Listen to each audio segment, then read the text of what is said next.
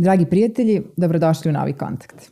Sa nama večeras su nama zaista posebni gosti. Naime, poznato vam je da je dosta naših ljudi iz Sanđaka u dijaspori i dosta njih je zaista uspješno i uspješno vodi mnoge poslove tamo. Oni su, to jest moji večerašnji gosti su jedni od tih, oni su uspješni ne samo u svojim poslovima nego na mnogim poljima.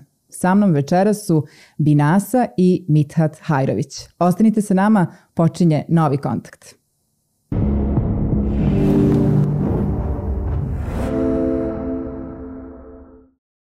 Pa dobrodošli. Bolje Dobrodošli u Novi Pazar i dobrodošli u Kontakt. Hvala vam što ste izdvojili vrijeme. Ja znam kako je kad se dođe sa strane, jeli, onaj, da svi žele da vas vide. Sigurno su mnogi ostali ljuti kući što niste tu sa njima, ali vi ste ipak izdvojili ovih par sati da, da provedete sa nama, pa hvala vam na tome. Ja sam na početku kazala da, da ćemo razgovarati, da, da ste, to jest da ste uspešni u mnogim poljima. Jednostavno nisam mogla jednu stvar da izdvojim, iako se izdvaja, na primjer, Binin Sahan iz svih tih projekata, ali čisto želim da, da večeras pričamo o mnogim stvarima, tako da Eto, opet kažem hvala vam što ste došli i što možemo da otvoreno pričamo o, o, svemu, o, svemu onome što, što sigurno mnoge nas zanima. Hvala tebi na pozivu. Vino kako hvala. si? Da, sama. Hvala vama da možemo da budemo dio vašeg prelijepog programa. E, nama je zaista drago što, što ste došli jer e, Mnogo me zanimalo i kad sam e, čula za vas, doduše za Mithata znam od ranije, jer eto moram da, da kažem da sin si jednog od mojih omiljenih ljudi iz pazara koji je nažalost e, otišao sa ovog svijeta, ali meni je jako drago da ga sad spomenemo, nekako onaj, kroz, kroz njega sam upoznala i cijelu porodicu i tebe i jako mi je drago što si, što si večeras tu i, I nekako tu sam malo saznala delić vaše zajedničke priče. Ali kad sam tek krenula da upoznajem vas kao zajedno, sve mi je bilo interesantnije i interesantnije.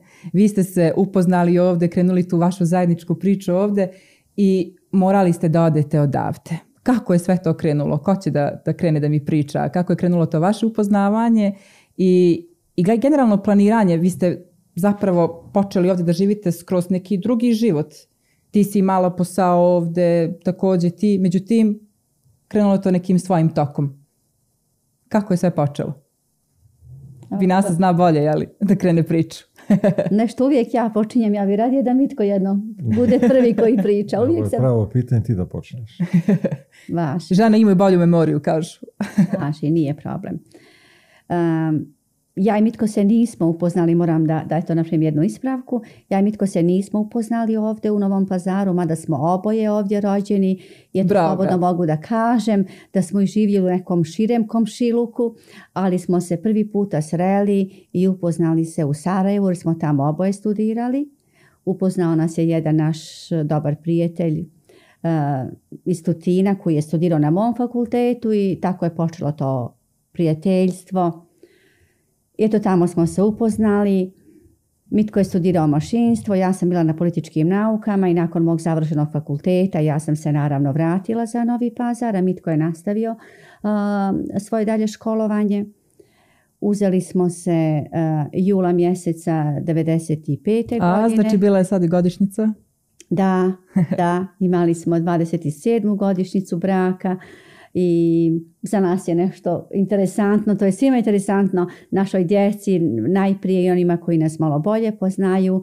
E, I moj mitko i ja smo rođeni 14. jula, tog dana smo i vjenčani, tako da, da u jednom danu, to imamo ta tri neka važna datuma. O, znači nema šanse da zaboravi Mitko kad je rođendan. I ima šanse i Mitko desilo se da Mitko da zaboravi da ja dođem s posla i da ga pitam. A šta nam je to danas? Ja? šta nam je danas, koji nam je danas dan i tako.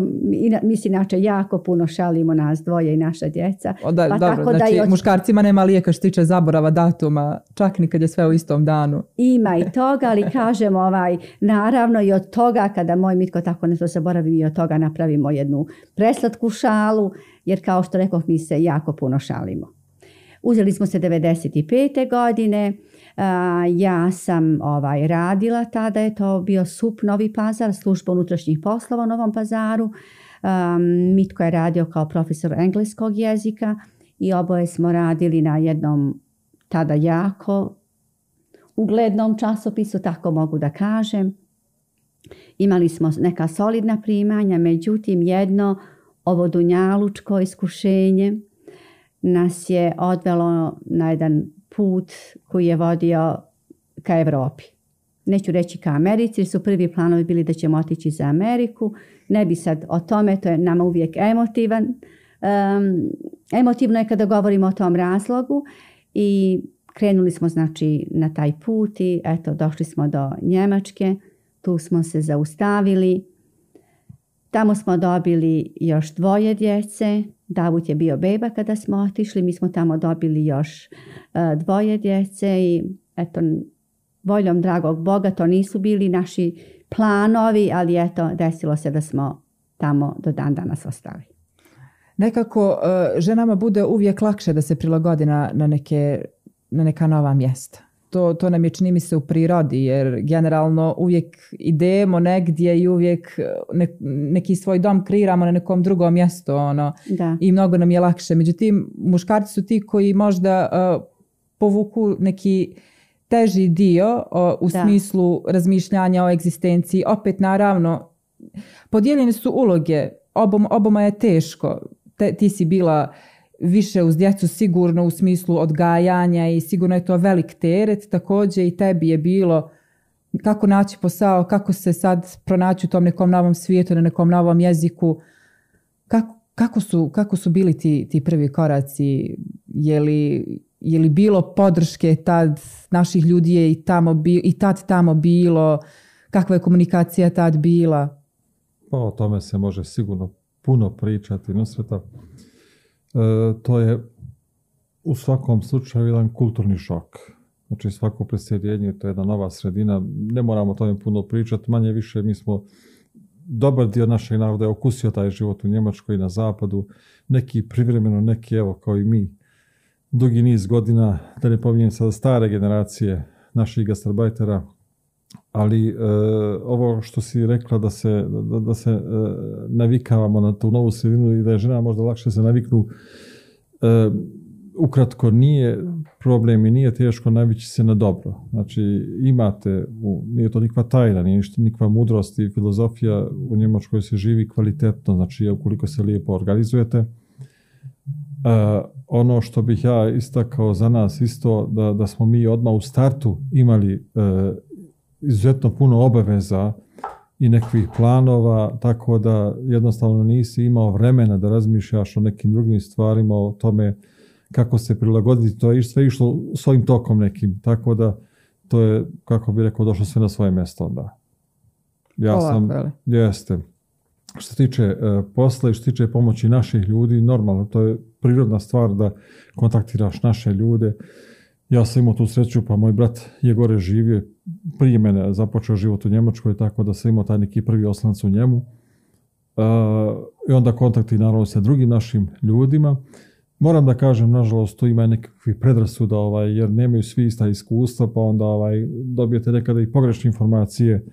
Konkretno u mom slučaju, ovaj, meni su rekli ovaj, mnogi da mogu da zaboravim svoju diplomu, da to u Njemačkoj ne važi, da da se moram već sad pripremiti za rad na baušteli, na građevini, tako, što sam ja u početku možda i shvatio ozbiljno i, pa ovaj, i, i, zaista i krenuo rad na, na bauštelu.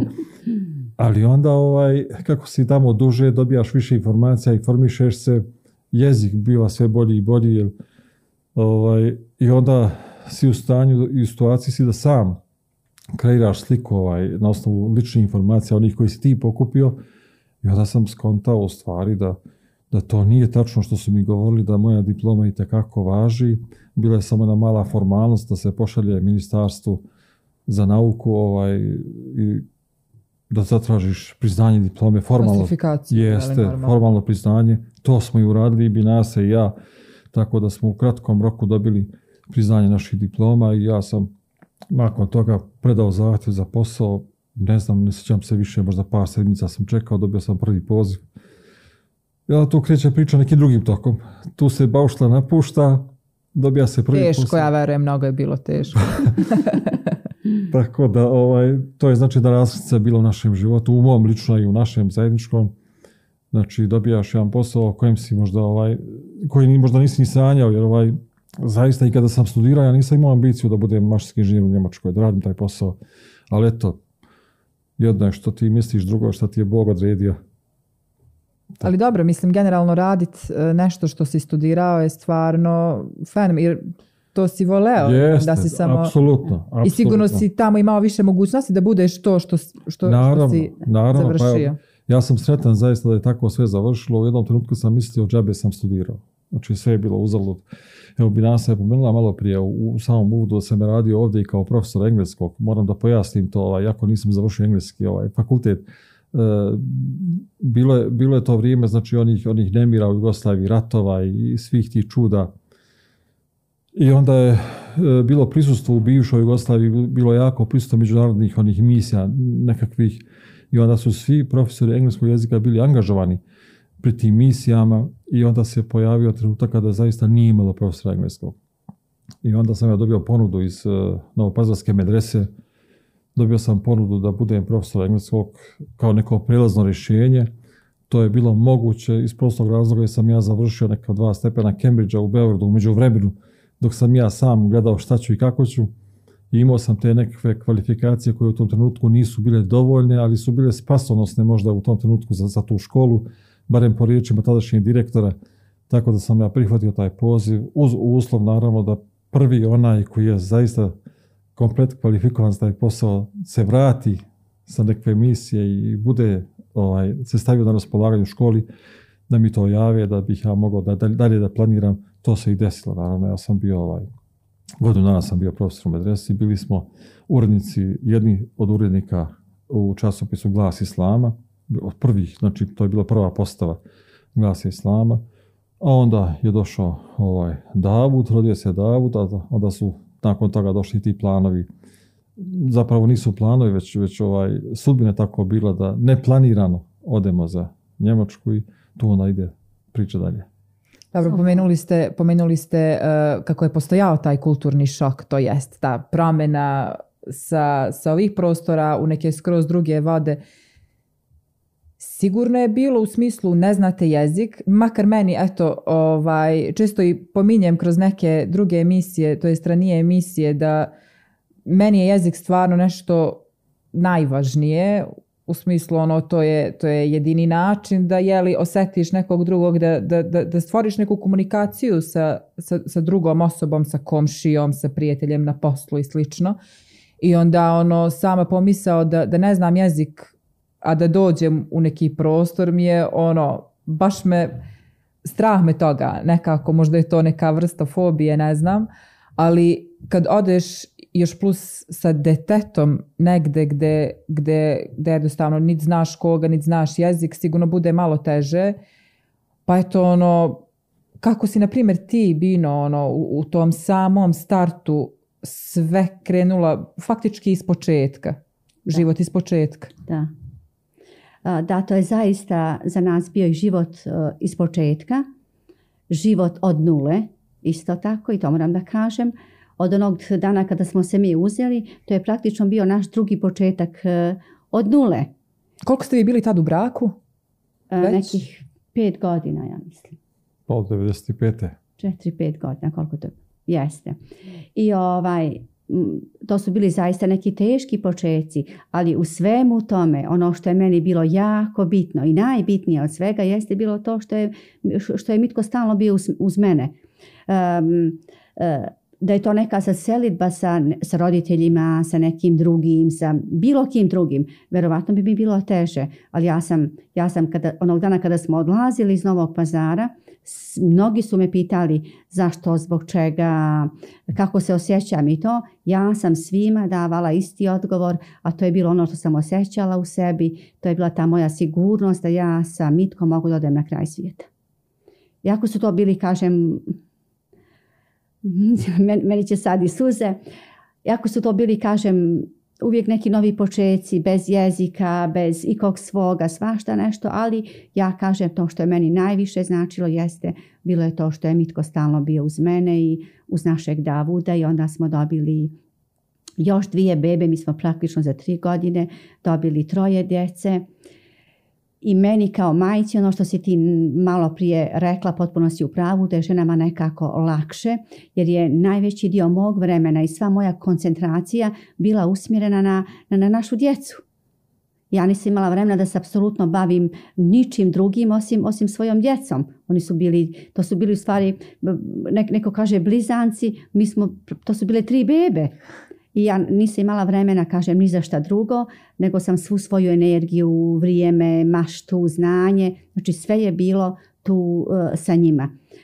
Uh, htjela sam da kažem da ova, jedino ono što je meni nedostajalo jeste recimo e, bili su to moji roditelji, moja braća i sestre. E tad nije bilo Whatsappa, Vibera, ne, skype apsolutno ničega. Niti je moglo da se putuje kao danas. Nusetan, meni, meni nisu mogli da, da dođu roditelji, meni nije mogao tada da dođe niko u posjetu i ja sam zaista bila uskraćena za, za, za puno toga. Ali opet kažem, kad je ona najuža porodica tu, to je nekako išlo lakše. E, iz tog perioda se sjećam jednog jako teškog trenutka, a koji je vezan za jezik. Kada si ti rekla malo prije da, je to, da bi to za tebe bilo teško, ne znaš jezik. Ja sam imala jedan, veoma težak trenutak. E, bila sam u bolnici i čekali smo da dobijemo naše drugo dijete. To je znači bilo nakon, to je bio oktobar mjeseca, mi smo došli početkom avgusta mjeseca.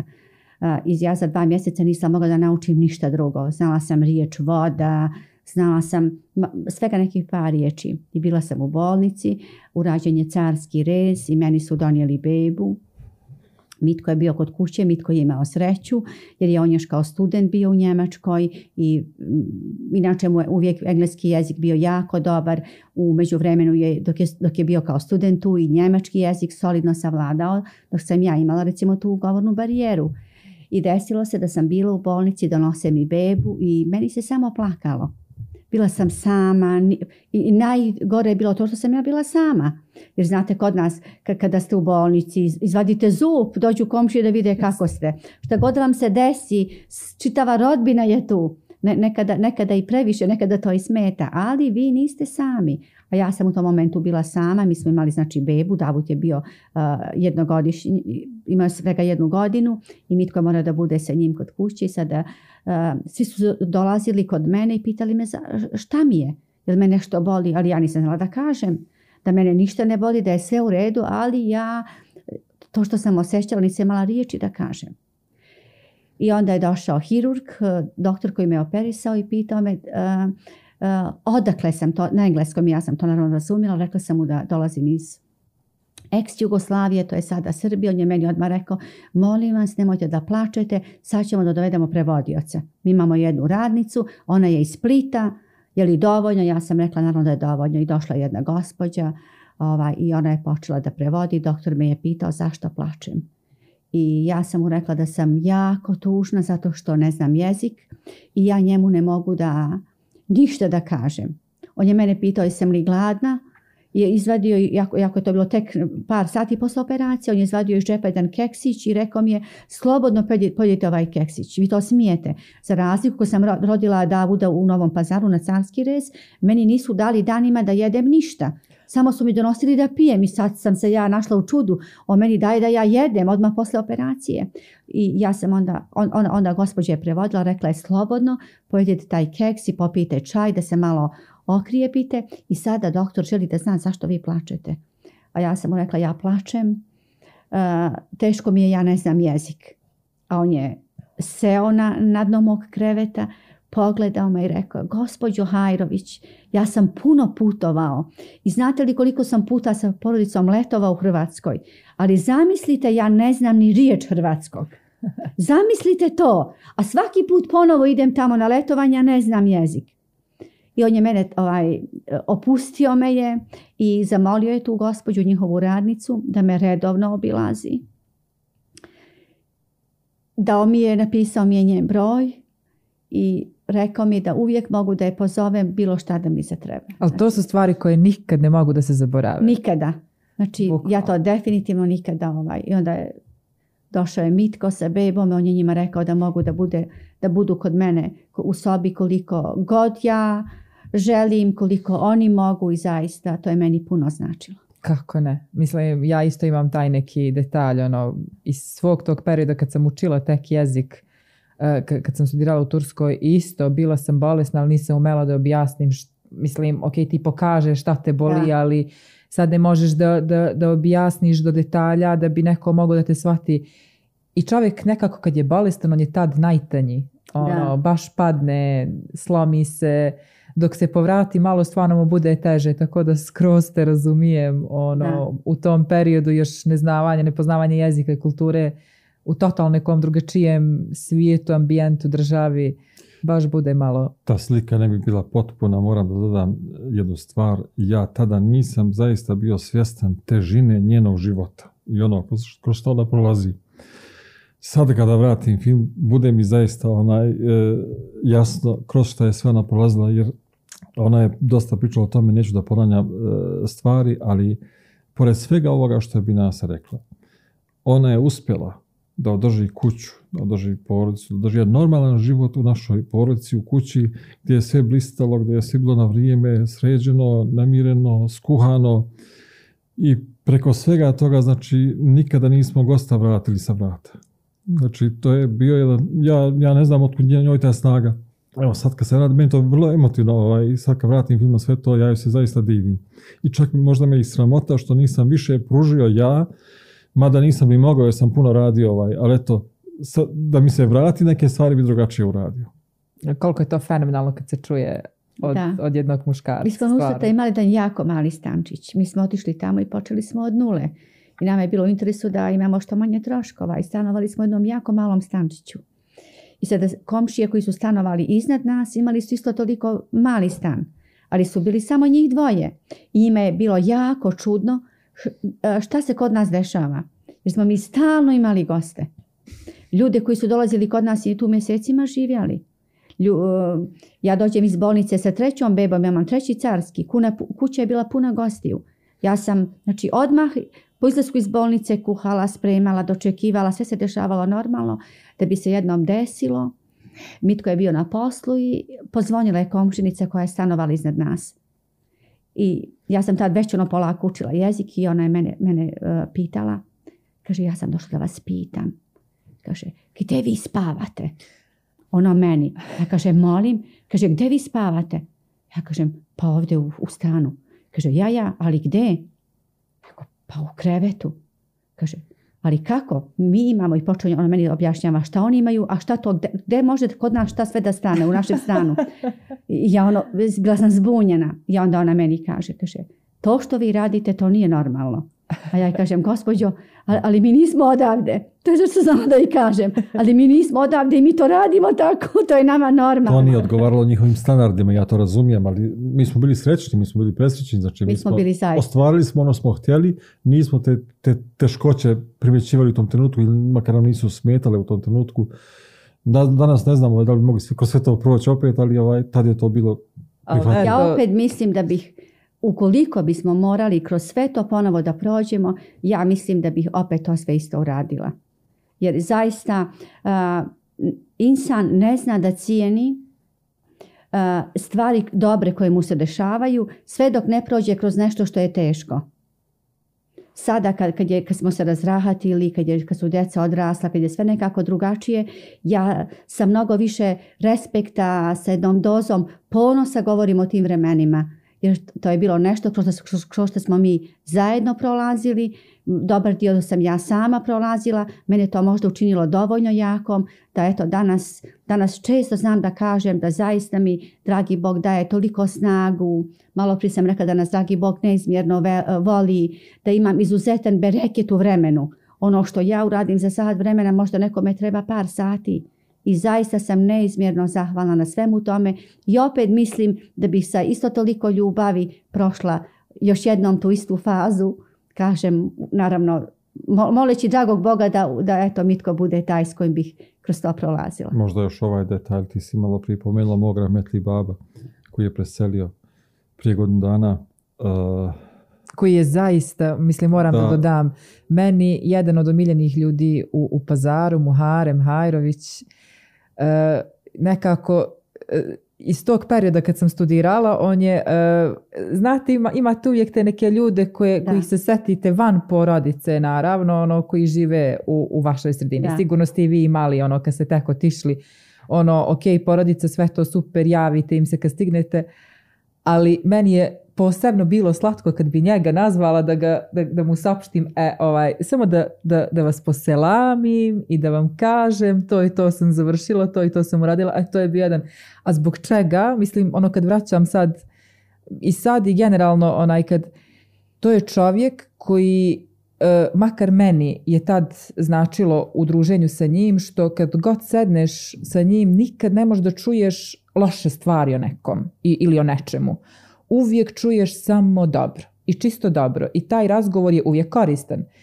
Ono, ako govorimo o nekoj ulici, on odmah ispriča neku dobru stvar koja se tu desila ili ko je tu živio od, od dobrih ljudi, od značajnih za, za ovaj grad, za zajednicu. Ako govorimo o nekom čoveku, on odmah niz kvaliteta od tog čoveka kaže. Ili kad upoznaje, e to mi je isto bilo fascinantno. Jednom je ušla neka žena u, u, kuću kad sam ja bila tu i onda on mene predstavlja, ja ja se pitam jesam li to ja, znaš, ono, to, toliko, sa toliko oduševljenjem priča o drugom, da, da ono nakiti, ono, toliko da ono, kažeš, ono, stid me, stvarno. Hvala ti što Eto, si zbog ga toga. Hvala ti što si ga pomenula, ovaj, ali mene je to isto podsjetilo na još jedan detalj iz ovog našeg života u Njemačkoj, jako težak, naime Binasa nije uspjela, od kako smo otišli za Njemačku, više nije uspjela da vidi svog oca. Ja sam imao tu sreću da se samo ima vidim i nakon tog boravka koji je bio ovaj, praćen tim nekim e, striktnim pravilima da se ne može zemlja napustiti, da ne može doći niko i to je bio jedan težak period i nažalost on nije uspjela oca da vidi. I to je bio jedan detalj koji je njoj život otežao tada tako da mogu reći i poručiti svima ovdje koji žive da, da zaista imate blagodat da živite na svom tlu, sa svojima, sa svojim najdražima. To je nešto što se zaista ne može ničim platiti, ničim nadoknaditi. Ali to, ne može čovjek sve da ima. Sigurno i e, nekako definitivno je život pun žrtvovanja. Da. Ono, I te žrtve nas oblikuju. Da. Ono što jesmo danas nekako kad stanemo stvarno razmišljamo aha, sve, sve ovo što smo danas su, su te neke žrtve koje smo podnosili i donosili u nekom prošlom vremenu. Dosta, dosta o tim žrtvovanjima i, i o tim stvarima smo kazali. Mislim, meni je skroz simpatičan taj detalj e, sa puno gostiju u, vašoj, u vašem malom stanu. Podsjetio me na, na jednu sličnu priču E, isto jedni naši prijatelji žive tako nešto u dijaspori. Sad ne mogu tačno se setim u, kojoj državi, gdje, u kojem gradu, ali skroz je slična priča, ono, tipa ono manji stan, ali puno cipela i papuča ispred stana i tako je bilo, sad on priča nama u kontinuitetu nekoliko noći, ono, došli sad prijatelji stalno, kaže stalno, imamo sjela uveče, ostajemo baš do kasno i samo jedno veče dolazi policija prijavio komšija, taj koji je inače iz te države i, i ono, samo su došli da vide je li sve u redu, jesmo li mi normalni uopšte, ono, toliko ljudi, oni, ono, nikad nisu, ono, toliko mm. gostiju imali i kao mi im govorimo, mi smo s Balkana, mi mnogo volimo da se družimo, ovo ništa, samo, evo, bujru mi vi ako hoćete, ono, znaš, i vi ste dobrodošli, tako da skroz me podsjetilo to na tu priču, a vi ste, ja se sećam, imali stvarno, god bi, čini mi se, iz pazara došao tamo u, u vaš dio gdje, gdje vi živite, bio bi vaš gost. Da. Ko je sve, sećate li se možda nekih detalja onako simpatičnih od ovih nekih koji su, koji su prošli kroz, kroz vaše mesto? Pa bilo je puno tih prilika, ali možda da Znam da su i horovi bili. Pa upravo, upravo to sam htio da kažem, možda ovaj, bilo je puno zaista tih prilika, nema vremena, nemamo vremena o svemu tome pričati, ali možda upravo to što si ti rekla, ovaj, kuriozitet je bio da su nam gosti bili recimo članovi oba hora. Znači to ja verujem još kad horovi ušli u kuću. Ali oni su bili, oni su bukvalno bili gosti u našoj kući. Znači sreća pa kuća dovoljno velika da možda primi tu i bašta isto ovaj iza kuće, tako da to je bio jedan posebno doživljaj, ne znam za komšije to bio, bilo neverovatno. oni su sa prozora gledali, oni su čak i u dvorištu, u bašti su izveli ovaj jednu muzičku numeru, pa su komšije sa prozora gledali. to je ovako vrijedno pomena sigurno ono što bih ja dodala kad Mitko pominje taj hor, um, zaista svima onima kojima je bilo potrebno da se negdje smjeste, da ostanu na par dana, oni su to znali da su vrata našeg doma širom za takve otvorena i hvala Bogu što je tako. Ali nešto što je nama ostalo u sjećanju jeste um, kada su dolazili, kada su horovi imali svoje manifestacije, nastupe po dijaspori, mi smo uvijek uzimali po par djevojaka kod nas kući. I desilo se jednom da su one bile kod nas u gostima nekih 5-6 dana i kada su trebale da krenu, ja sam tog dana morala da radi Mitko isto i došli smo ovaj s posla kući. Mi smo u našoj kući našli preko 300 pisama.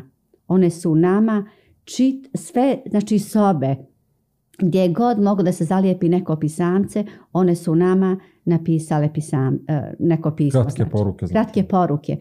Ja sam kasnije kupila fotoalbum i sve sam to polijepila. Um, možete da, samo da zamislite recimo e, poruka na kojoj piše usvojite nas Druga poruka piše, ne dajte nas. E, mislim, to su bile... Neću kući. nećemo kući. I tako to mislim. napišu svoja imena i dole prezime Hajrović. Da, aha, jeste. Jedna je napisala, dobro je Mitko, ona se zove tako, preziva Hajrović, otac je Mithat, majka je Binasa i dole ona, ona ima braću imena naše djece i tako to zaista e, to su djeca naravno s kojom mi i dan danas imamo kontakt i zaista ih doživljavamo kao da su to naše djeca. Ta su prijateljstva ostala do dan danas. Prelijepo, prelijepo. I, i definitivno je to ono još kad si na daljini uvijek gledaš da, da, da približiš te ljude koji dolaze iz tvog mesta jer fali ti tog mesta mhm. od kojeg yes. Mhm. su nešto tvoje, znači. To, to, mhm. baš. I mislim, pazi sudbine, eto, ja sam skroz zaboravila, vi ste mi ranije pričali da ste se srali i, i upoznali u Sarajevu, ali o toliko bosanki, bosanaca, baš vas dvoje, definitivno se ono isti privlače, iz istih mjesta se privlače.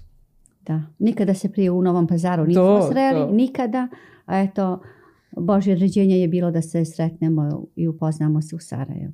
Fenomenalno. Sad kreće ta neka druga epizoda u smislu uh, ti dobijaš posao u struci i radiš na čemu? Pa ja sam po obrazovanju mašinski inženjer, završio sam mašinstvo u Sarajevu i onda sam dobio posao u svojoj struci u, Njemačkoj. E, uh, Otkako sam došao, znači ja sam radio u dvije firme, sada je druga firma već, u prvoj filmi sam bio konstruktor laboratorijskih armatura, znači to su ove armature ili slavine kroz koje teku ne samo voda, već i razni gasovi, razni mediji. Tu sam bio nekih sedam godina, a onda sam dobio posao u jednoj renomiranoj e, kompaniji, američkoj kompaniji koja proizvodi e, medicinske uređaje za patologiju, za dijagnosticiranje raka. Dakle, kao mašinski inženjer ja sam konstruktor, e, u našem E, timu su još i software inženjeri, elektroinženjeri, znači mi, mi gradimo jedan interdisciplinarni tim koji zajedno, znači od same ideje pa do konačnog proizvoda prati taj proizvod, rješava ta ideja, znači e, e, ideje, idejna rješenja i i onda kroz crteže, kroz konstrukcije, kroz razne testove, kroz proizvodnju, znači dolazi do konačnog proizvoda i meni je drago da sam e, jednom prilikom imao, e, imao sam priliku jedno, e, jednom dok smo boravili ovdje na odmoru da posjetim naš patološki centar ovdje u Novom Pazaru i vidio sam naše uređaje, uređaje na kojima sam ja radio. To me učinilo posebno zadovoljnim, ovaj, ponosnim. eto, imao sam prilike ovaj, da kroz taj posao i neke patente, ovaj, ja to moram sada kažem, znam da će Nasa reći to. A ne, ja sam to ja htjela da pomenem, da znam da ima nekoliko tvojih patenta koji, na kojima si radi. Ima, jeste, bio sam u prilici znači, da neke stvari, neke inovativne stvari e, realiziram, neke ideje. To je prošlo znači, kroz tu proceduru priznanja patenata, oni su priznati od Japana do Amerike. I tako, uglavnom zadovoljan sam. I sretan u tome što, jesam, što si dobio. Jesam. Fenomenalno, dosta, sad ljudi dosta, dosta dobra kroz to dobijaju i... i pa to, mislim, eto, ti uređaji sad nalaze širom svijeta, pa čak i, u pazaru, u tvom rodnom gradu. Da, da, da, da. Što je stvarno fenomenalno. Ti si se pronašla u nečem skroz suprotnom od onoga što si bilo u Novom pazaru. Jest. Ali prezanimljivom, to jest, ja stvarno ne mogu, evo sad, da, da, mi nisi rekla da, da si ovde, eh, da si završila politikologiju, da da si ovde e, radila u tom nekom smeru, uopšte ne bih e, mogla da te drugačije zamislim osim ono što, što jesi sad da radiš sa djecom i da si posvećena samo djeci jer totalno je ta energija ono mhm. baš baš koja, koja prija djeci. Yes. Ti si u jednom vrtiću. Yes. Možeš nam više kazati o njemu jer eto, malo je drugačija priča od, od ostalih vrtića. Ja radim u jednom vrtiću mi smo integracioni vrtić, a to znači da ovaj, e, radimo sa, sa svom djecom, pa čak i sa onom djecom koja imaju e, neke urođene e, mane i druge zdravstvene probleme. Mi toj djeci pomažemo da se ona bolje integrišu od samog početka u društvom, da žive i, i da rastu sa zdravom djecom i to je zaista ovaj ja nekada kažem da mi je čast što mogu sa takvom djecom da radim. Stvarno fenomenalno. Jer, jer takvoj djeci nekada, nekada moj osmijeh, moj dodir, prstiju po obrazu, po kosici, nekada tim mališanima puno znači. Polozimo od toga da je osmijeh sadaka, da je da je topao zagrljaj, da je osmijeh i svašta nešto, da njima to posebno znači, tako da zaista nastojim da, da, eto da započnem dan sa tim metodama i da, da se time i završi. Prelijepo. A uh, uporedu s tim, u istom tom vrtiću, osim što radiš s tom djecom, da. ti njima i kuhaš. I prije sam čula od, od Mithata da, da je to jedini vrtić u Njemačkoj koji ima jeli, pitu, birijan i ostala naša jela, što je, što je stvarno ono, fascinantno. Jeste. Uh, Reći ću samo nešto kratko, kada sam se tu zaposlila, nekada, nekada često ćemo čuti da u Njemačkoj eto, možete ne možete dobiti posao preko veze i nema toga. Sad ne bih rekla da je to bila tipična, klasična veza, zapošljavanje preko veze i tako nešto, ali, se, ali je to bila takva preporuka da je direktorica vrtića odlučila da ne raspisuje nikakav uh, konkurs ili oglas, nego jednostavno da napravi susret sa mnom pa da nakon toga odluči da li će ovaj raspisati konkurs ili će e, uzeti mene. I ovaj taj naš prvi razgovor je bio jako interesantan, ne mogu da ne kažem da nisam imala tremu, brinula sam i svašta nešto, ali kad kada je došao moment kada su oni meni sve ispričali šta mene očekuje, o kakvom se radnom mjestu radi, onda su oni mene pitali da li ja imam da nešto kažem a ja sam sve što sam e, rekla, rekla sam da ja mislim da bih mogla te, zadatke da, da obavim i dodala sam e, da sam ja muslimanka koja prakticira vjeru. Ja sam vjernica i ne znam da li to njima smeta. A, direktorica je pitala šta to znači bina? A ja sam radila, a ja sam rekla da, ja moram raditi ovako sa, sa ovako djevena pokazala sam sebe. Ona je rekla, ti nemoj da brineš, mi imamo šest mjeseci probni rad, ako sve bude u redu, ti ćeš nakon tih šest mjeseci dobiti posao. Hajde mi da probamo. Nećemo raspisivati konkurs. I naravno ja sam počela da radim i svega nakon dva mjeseca i osamnaest dana šefica je došla kod mene i pozvala me kod nje u biro. Ja sam opet brinula, moje srce je opet zatreperilo, to moram da kažem.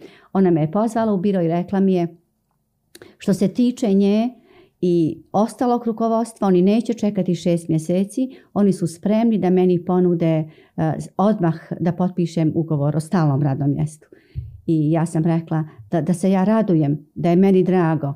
A ona me je ovaj, zagrlila, tapšala me po ramenu i rekla me je, jel vidiš Bina, šta god želiš ti možeš na glavu da staviš. Ono u smislu, hoćeš i šerpu stavi na glavu, ali samo nam dođi sutra opet na posao. Znači, da, i eto ka... Ali moraš da pomeneš i onaj kuriozitet, znači jednu vrlo zanimljivu stvar, a to je kome vrtić pripada. Da. I to je ključna stvar u svemu ovome. Da.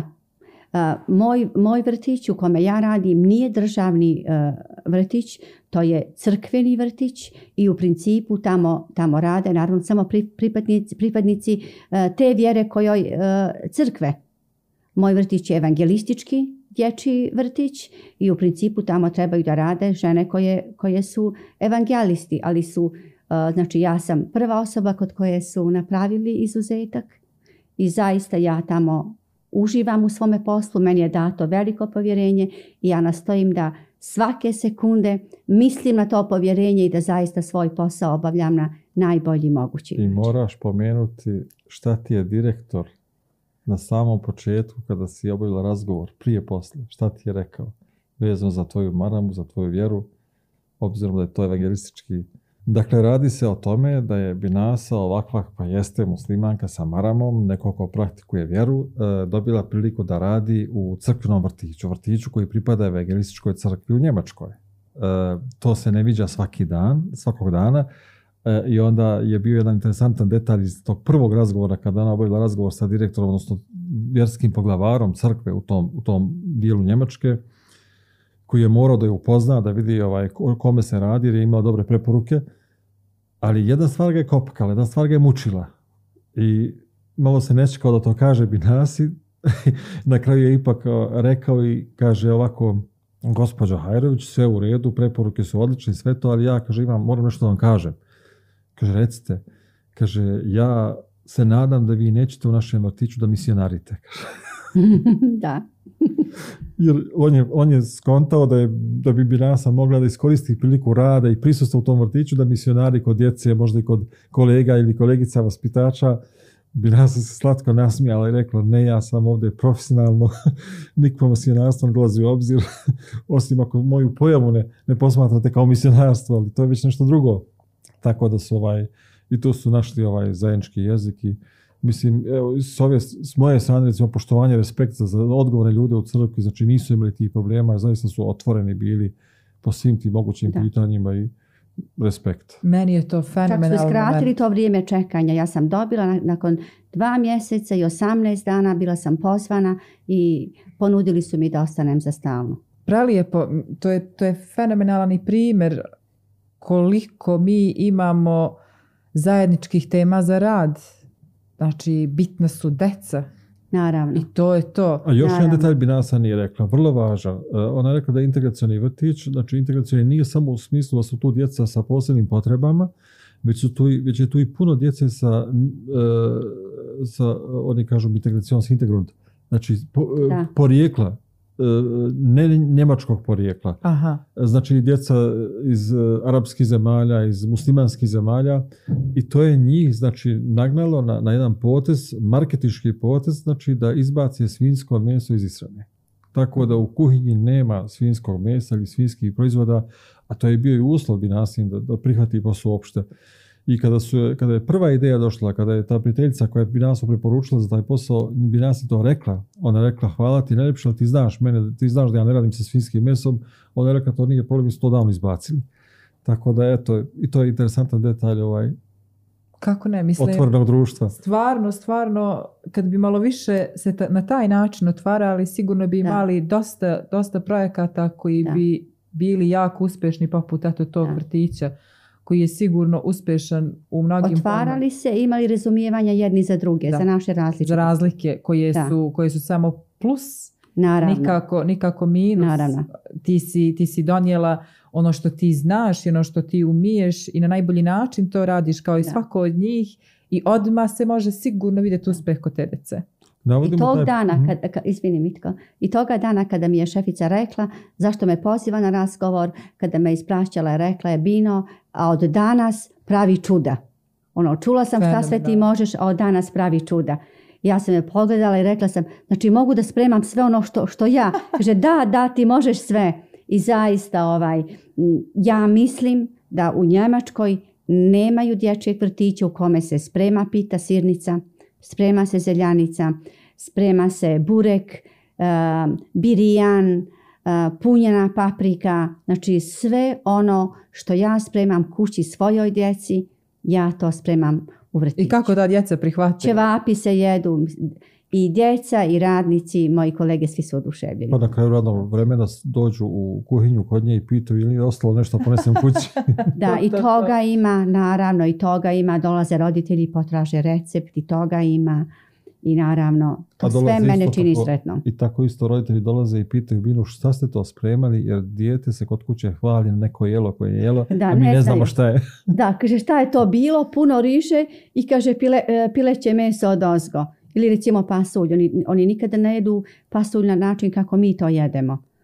I recimo kupus mladi, kupus kiseli, sva, sve ono znači što sam ja ovdje naučila kod nas, kod svoje majke, ja sam kompletnu našu kuhinju prenijela tamo i zaista svi uživamo u tome. Ja u spremanju, oni u jelu. Fenomenalno, eto, ono, bukvalno si napravila neki svoj mali dom, to jest poveći, jeli do... Baš tako. Premestilo si u, u, u tu instituciju. A od skoro je ugovor promijenjen. Znači... Da, to sam rekla da radim. da, da, pola radnog vremena. Rekla sam to da radim kao vaspitač, a pola radnog vremena... To si meni rekla prije zapravo. A da? izvinjavam se. jeste, da, od... Mitko. E, pitali su nas skoro pratioci na šta ima kod tebe novo u ovoj godini i ovaj naravno ovaj, ove godine sam dobila i novo radno mesto, pola radnog vremena radim kao vaspitač, a pola radnog vremena nisam htjela otići iz kuhinje, to je moja velika ljubav.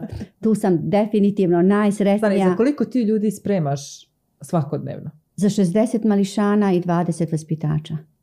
Za 80 ljudi faktički. Da. Plus kuće. Plus nas četvora da, da. I zaista tu sam, e, to je za Ali mene velika... Ali isto vrtića. To je za mene velika blagodat, volim kuhinju, a iznad svega, svega volim, volim djecu. Čija goda su, kako goda da se zovu, odakle goda dolaze, ona mene definitivno čine sretno.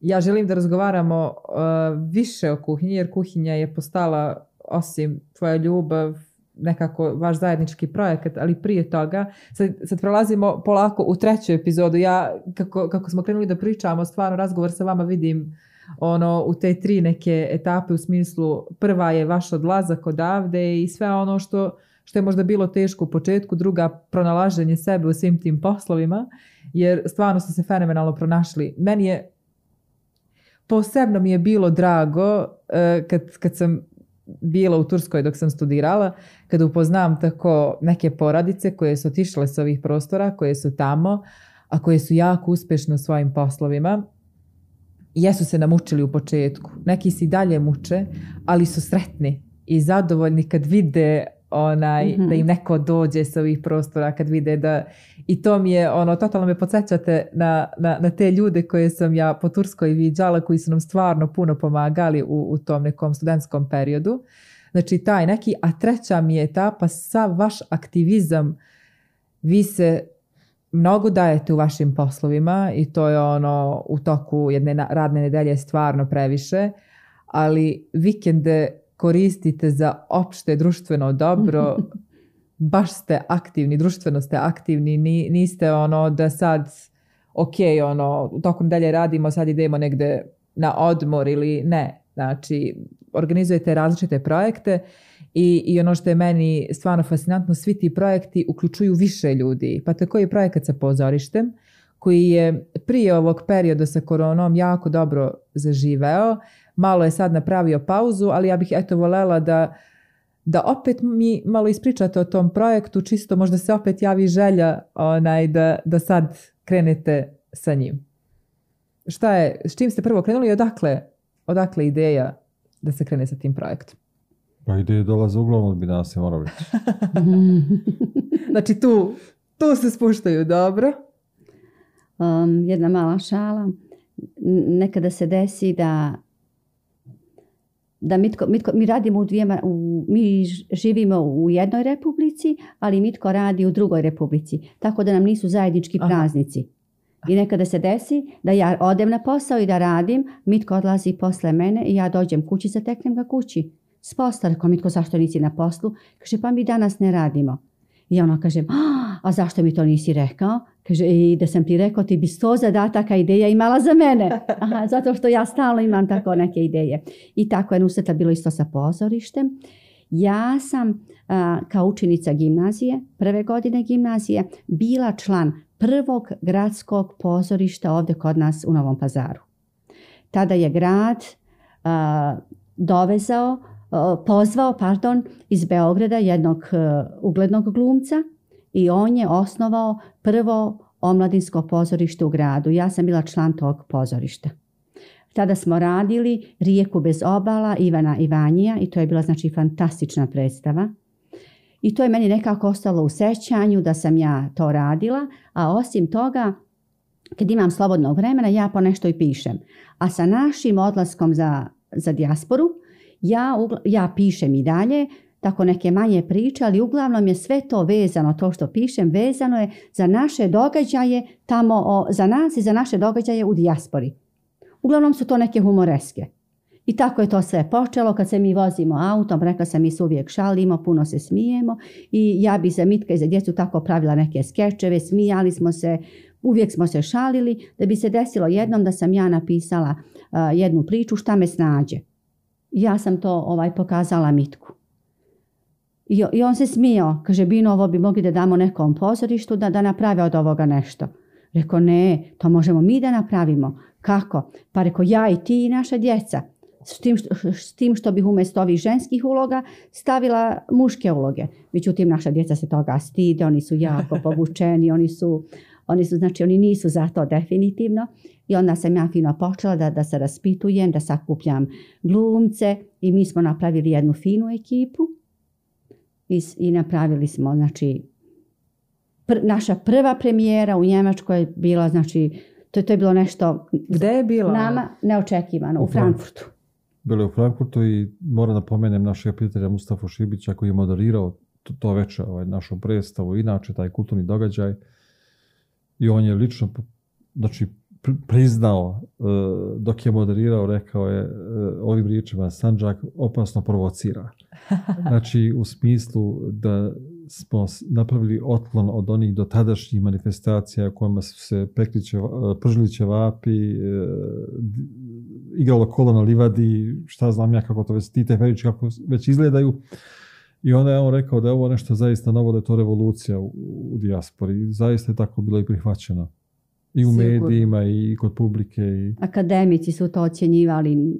Ja... Profesor Muhić nam je ovaj, isto tako uputio čestitku i rekao je da je vrlo važan taj projekat, ne samo što, što, što ovaj, obrađujemo te teme, jer nije bi nas ulazilo detalje ta predstava šta me snađe govori o životu naših ljudi u dijaspori u Njemačkoj, kroz što stvari prolaze.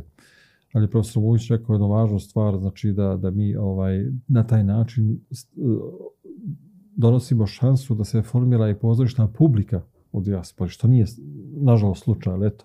I to je taj pozitivni aspekt tog našeg projekta bio. Kako ne? Mislim, ja sam to pomenula kad sam čula za to da, da je e, taj vaš projekat izuzetno važan za jezik, za očuvanje našeg jezika e, u dijaspori, Kod, kod naših ljudi, jer on se gubi. A ja znam kad se uči jedan jezik, sluša se radio, gledaju se vesti, ide se u pozorište jer da. Tu, su, tu, tu je taj izvorni jezik tog mesta, tog naroda. I ja mislim da je to, čini mi se, i po najvažnije zbog čega bi trebalo da, da se nastavi. E, šta je, e, znači, ta predstava je govorila o e, sudbinama ljudi koji, koji žive u dijaspori, jeli? Ona je u stvari bila jedna, obrada jedne istinite priče. bi nas to bolje, kao autor, bolje, bolje možda da da šta me snađe je pozorišna predstava zapravo jedna istinita priča o sudbini jedne bošnjakinje koja se udaje isključivo iz ljubavi i odmah nakon te udaje nakon par... Dobro, to upisala se sebe, jel? Ne, ne, ne, nisam. Ne, ne, ne, baš tu me nema, no ali, ali ću ti poslije reći nešto drugo, napomenut ćeš me. njen muž odlazi za Njemačku i to su ona vremena, tu su samo naša vremena. Radne u Novom pazaru. Mi otišli. I njen muž odlazi tamo i on nema drugoga načina da, da dobije boravak i papire, mora da vjenča Njemicu. Da, poznate priče, ok. Da, apsolutno tipična priča za, za mnoge naše porodice i ja u toj predstavi opisujem život te mlade raze. A, ono što nam se najčešće dešavalo nakon predstave prilazila je publika. Dešavalo se da nam iz publike prilaze gledaoci gledalci i govore Bože, kaže, sam li ja, jeste li, kaže, vi ovo napravili meni. Prišla je majka i rekla mi, gospođo, kaže, ja imam čerku razu. Jeste li, kaže, vi ovo znali za nju? Uh, u Frankfurtu je prišao čovjek i kaže, Bože, kaže, ali, kaže, ovo je moj brat. I tako, stalno nakon svake predstave su nam prilazili ljudi i pronalazili su sebe u toj predstavi. Slično su definitivno sudbina. Zanima me isto, uh, naš humor je malo drugačiji od, na primjer, humora u Bosni. Kako je li tu... Humor je drugačiji, tačno, ali tematika je apsolutno ista. Aha, znači to je ta veza. Da. Tu, je ta veza, su se svi pronašli, definitivno svi, tako da, da smo zaista imali izvanredne nastupe, izvanredna druženja i ono što je, što je u tome bilo po meni najljepše od svega jeste što smo mi napravili jednu divnu kombinaciju. Ja sam željela da, da motivišem mlade ljude odavde iz našeg novog pazara da se pridruže našem pozorištu i da mi to radimo zajedno. Grupa glumaca iz dijaspore, a grupa glumaca iz Novoga pazara. I to je znači bila jedna, jedna izvanredna kombinacija. Mi smo i dan danas jedna porodica, mi dan danas pravimo planove za, za, za buduće nastupe, za budući rad i to je znači bilo nešto posebno. Fenomenalno, ja stvarno želim da to uspe i da, da se nastavi taj projekat jer E, za mnogo stvari je značajan, ali opet ponavljam prije svega zbog jezika jer, jer nekako čini mi se da, da kroz to može više da se oživi. Naravno. Nešto se čini mi se hteo da kažeš prije, ali smo te mi ovdje prekinuli. ne znam, ako se sjetim reći ću. E, dobro, dobro. Jezik nusreta, a isto tako taj naš dijalekt. Mi imamo taj poseban, poseban naš dijalekt koji je e, našoj publici tamo bio drag. Mi smo, mi smo Sabine gledali ljude u publici koji plaču. Mi, mi kao glumci. A sa druge strane smo tamo opet u nekim drugim redovima gledali one koji su smijali, koji su uživali slušajući taj naš e, e, originalni dijalekt. Što stvarno treba da se očuva. Jer je definitivno blag on je originalan, on je originalan, to je nešto, e, e, to je jezik kojim su govorili naši djedovi, nane, to je jezik kojim su govorili moji roditelji i ja se time ponosim i jedna od mojih želja jeste, da, jeste borba e, na očuvanju tog jezika. Sigurno, sigurno, treba biti definitivno svoj, nas. originalan. Ja isto tako želim da svi drugi rade na očuvanju svoje tradicije, a znamo šta je tradicija, jer samo tako, ukoliko budemo njegovali svoju tradiciju, svoju kulturu, svako svoju, ukoliko se budemo međusobno poštovali i uvažavali, mi samo tako možemo da budemo najljepši, najmirisniji buket različitog cvijeća. Definitivno, definitivno i to je mnogo puta dokazano. E, nešto što je sad izvan svega toga je opet nešto u čemu ste, vi, vi ste čoveče u svakom projektu zajedno. To sad kad, znaš, ono, nekako mi je ono bilo... Ne mogu da se izvučem. ne mi to, to. Ono, mi je bilo samo Binin Sahan, ali kako vas sve više i više upoznajem, u, u svakom tom detalju ste zajedno, što je stvarno velika, velika blagodat. Nekako ono, budu parovi pa ne znam, jedno se bavi jednim poslom, drugo drugim i tu nema komunikacije nešto u poslovima, vi u svemu tome imate komunikaciju i svaka čast. Ja mislim da je to recept za, za tu vašu uh, mladolikost i energiju koju imate. Pa e sad, znači projekat koji je iznad svega toga i aktivnost koja je iznad svih tih nekih aktivnosti uh, koje, koje stalno, koje obavljate je Binin Sahan. Jer taj projekat je zaživeo na, na više prostora, u više kuća, u više mesta i meni prosto ne može da padne ni jedno drugo pitanje na pamet osim bino imaš li dane kad kažeš šta ću danas za ručak? imaš li nedoumicu nekad? um...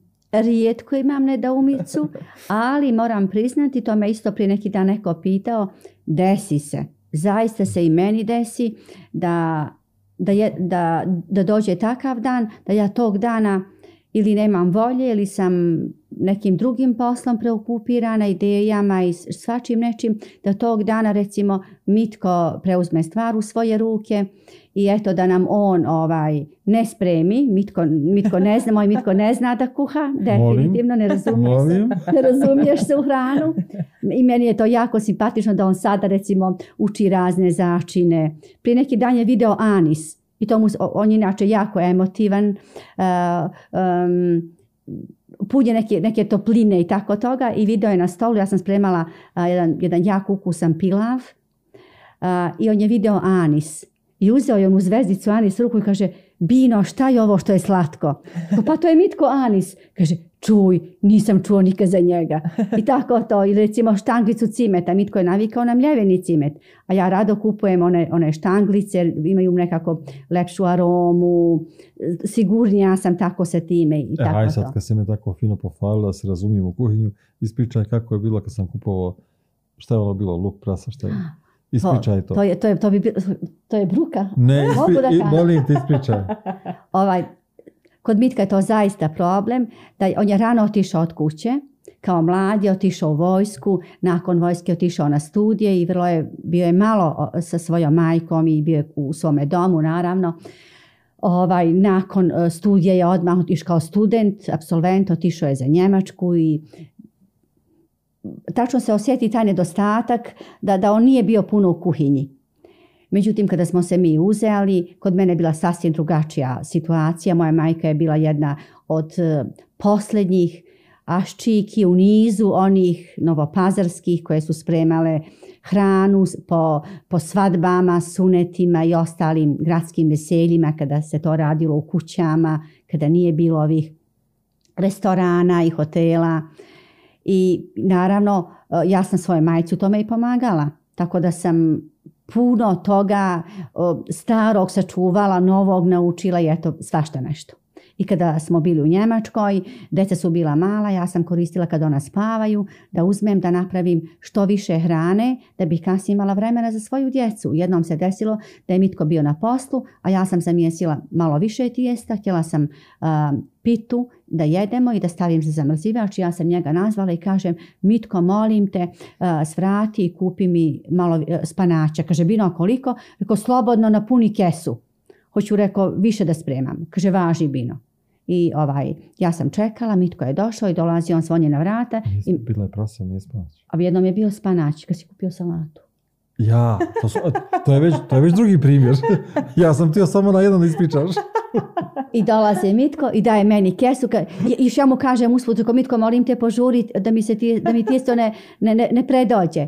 I evo ti njega otvara vrata, kaže, Bino, evo brzo, drži. Ja uzimam onu kesu, otvaram kesu, čekam. I što mu ja rekla, molim te mlad spanač, ono, znaš, kad, kad listovi sijaju, kad ono još ima rose na njima.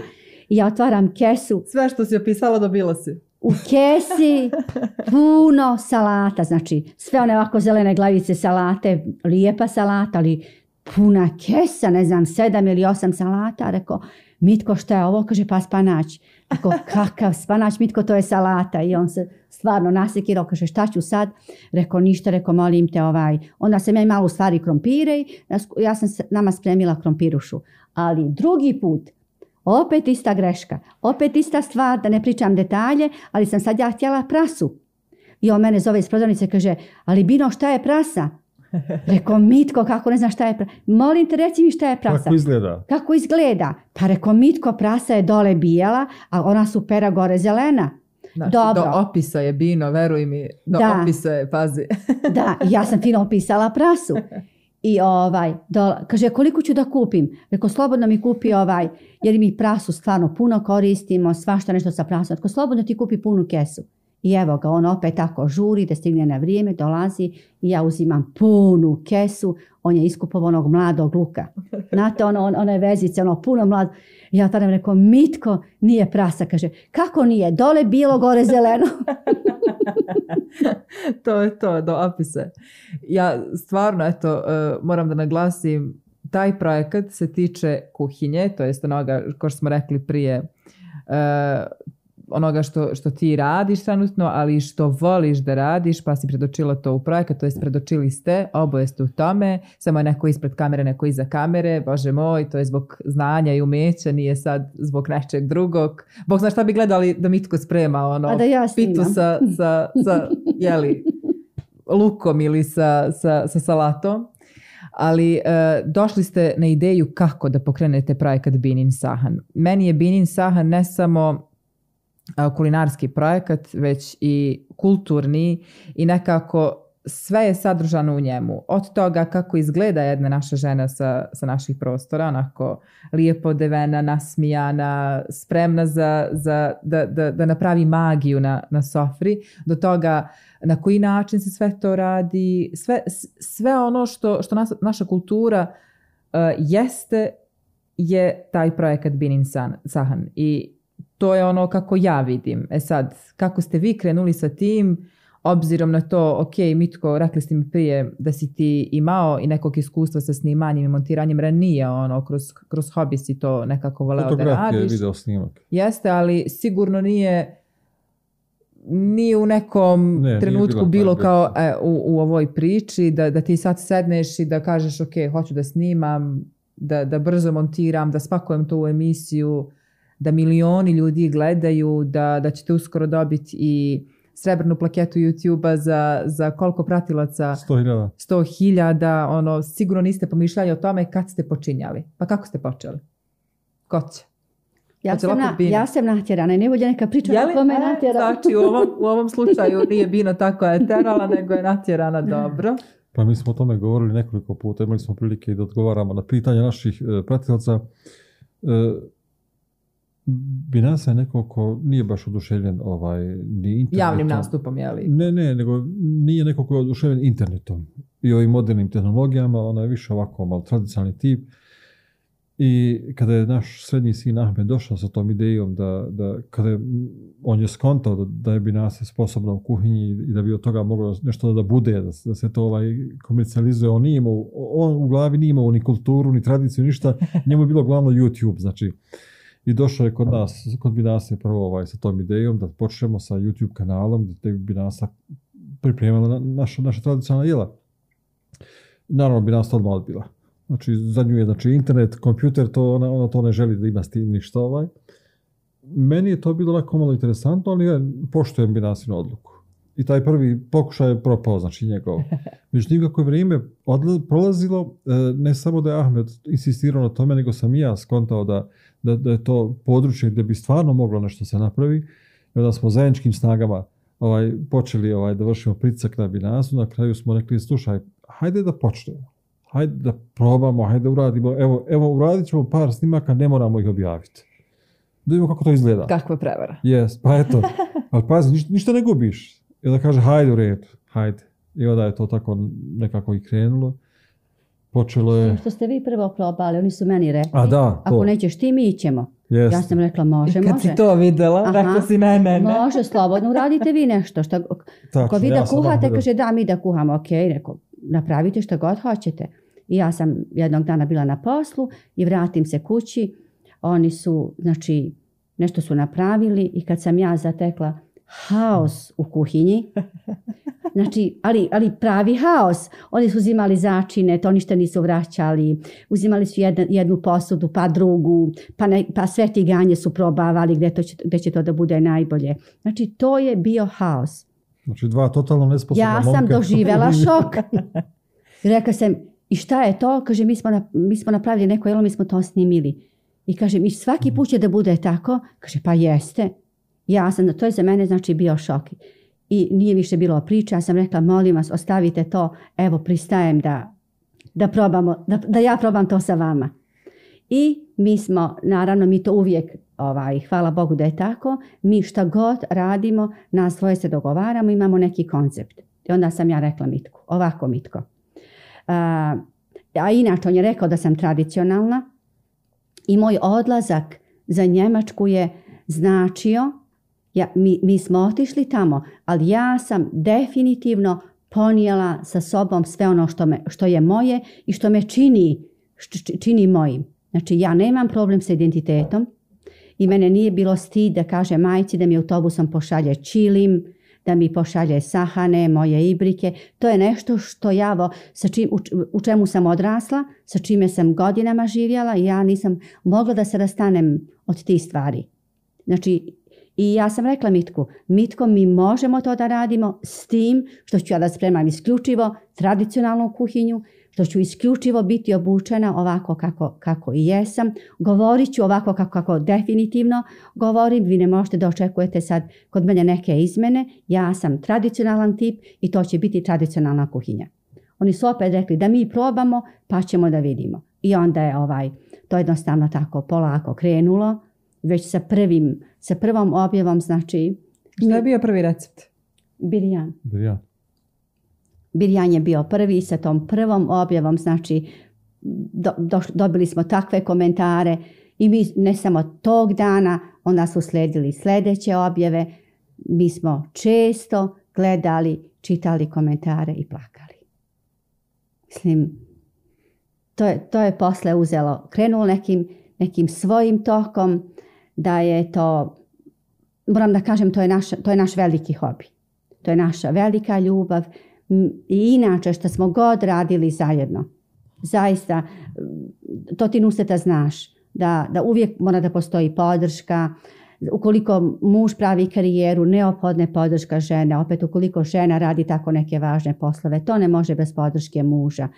Ako hoćeš neko veliko putovanje da napraviš, opet treba podrška muža apsolutno u svemu i zaista nam je to tako dragi Bog odredio da smo do sada imali nekoliko projekata i da smo u svemu tome uvijek bili zajedno i jedno drugom jedna velika podrška i tako je sada i sa YouTube kanalom. To se osjeti. Koliko god su to, koliko god da je to internet, neki kažu ono bez emocije, bez osjeti se u maloj dozi, ali se osjeti taj zajednički trud, rad, ljubav Prema, prema tome, ta međusobna ljubav koja se prenosi na taj projekat, to se stvarno osjeti. Mislim, da. prije kad ste govorili o tim početcima, pa kako niste imali ta profesionalna svetla, pravili mi nešto sklapao. Da. To je stvarno, to se stvarno osjeti. Ljudi, ljudi vole takve stvari, takve projekte. I uvijek smo imali od samog početka strpljenja i razumijevanja jedno za drugo. Mitko je potrebno dok ne montira, ja se obučujem, spremim, sve, sve čeka, sve na stolu, ali uvijek njemu treba nekak iz tehničkih razloga, treba mu još malo vremena. Naravno, ja sam tu da se očekam, mi se, dok on to radi, mi se šalimo, pravimo šale, drugi put kad, kad se jelo on mene nikada ne požuruje. Ja nekada kažem, Mitko, kako bi volila da, da, da, ovu, da ovu tortu koja je u filu sa borovnicom odradim sa jednim ljubičastim servisom, a on mi je u podrumu. On kaže, pa idi Bino, hajde, čekat ću te. Ono, znači nikad nema da kaže, ma daj, pusti to, batali to. I, jer naprosto, naprosto, mi ne živimo od toga. To je, rekla sam, naša velika ljubav i naš veliki hobi. Mi imamo svoje poslove. Ukoliko bi to, e, mi gledali se tu neka primanja i zaradu, mi bismo objavljivali mnogo češće i ne bismo radili e, naše vide i priloge na ovaj način. Ovo su, ovo su neki kraći filmovi, treba ispeglati sve one stonjake, treba sve to uštirkati, treba voditi računa o dizajnu, o boji, o apsolutno o svemu. Ja nikada ne miješam mesing i, bakar, ne miješam porcelan i keramiku, staklo i, i, i bakar i tako nešto. Uvijek vodimo računa da to sve bude. I mi zaista ulažemo puno vremena u, u sve to, zato što to radimo se ljubavlju. I to nije samo Nusata, ti si to dobro primetila, hvala ti na tome. To nije samo recept, jer ja znam da u ovom mom rodnom novom pazaru ima toliko dobrih domaćica, da ovdje još od malene majke svoje kćeri uče, da, da prvo budu domaćice, dobre supruge, pa onda sve ostalo. Ja znam da zaista ima mnogo žena koje mnoga jela spremaju možda bolje od mene, ali je u pitanju tome što je kod nas radi ljubav, spojili smo se, Mitko radi dobro sa kamerom, kod mene je ta, ta, ta, želja, vrijeme, to što sam od majke sve naslijedila. I... Ali taj dar da iskomuniciraš sve to mnogo dobro. Hvala Bogu da, da, sve to, eto, da to, da to ima i ne postoji žurba, nema nekog stresa, nego jednostavno od one najmanje sitnice koja je tu sa ljubavlju i sa željom da, da, da nešto uljepša, da dočara neki vakat, nešto što će ko svi da probudi emocije. To je znači sve urađeno sa ljubavlju, bez ikakve žurbe i, i to je definitivno onima koji to gledaju daje do znanja da, da, da naš cilj nikako nije novac i neka zarada, nego da je tu jedna, da se kroz sve to ima jedna priča, priča djetinjstva. I E, fenomenalni su komentari na sve to. Ja kad sam pomenula ovaj projekat i generalno pogotovo, na primjer, eto, na, na ovim prostorima u Ramazanu, ali e, kad, kad se izađe sa, iz ovih prostora, mislim, na, na Sanđak, pa ono šire, šire prema Srbiji, ovaj, kad, kad se spomene jelo i to, dosta njih odgovori, aha, gledali smo na Bininom Sahanu to i to jelo, tad i tad, tako i tako, vidjeli smo, to je ukusno, to se pravi tad i tad, jer i to ponekad spomeneš, ovo jelo se pravi na svadbama, veseljima, ili ovo jelo se pravi, ne znam, po tim i tim prilikama i slično.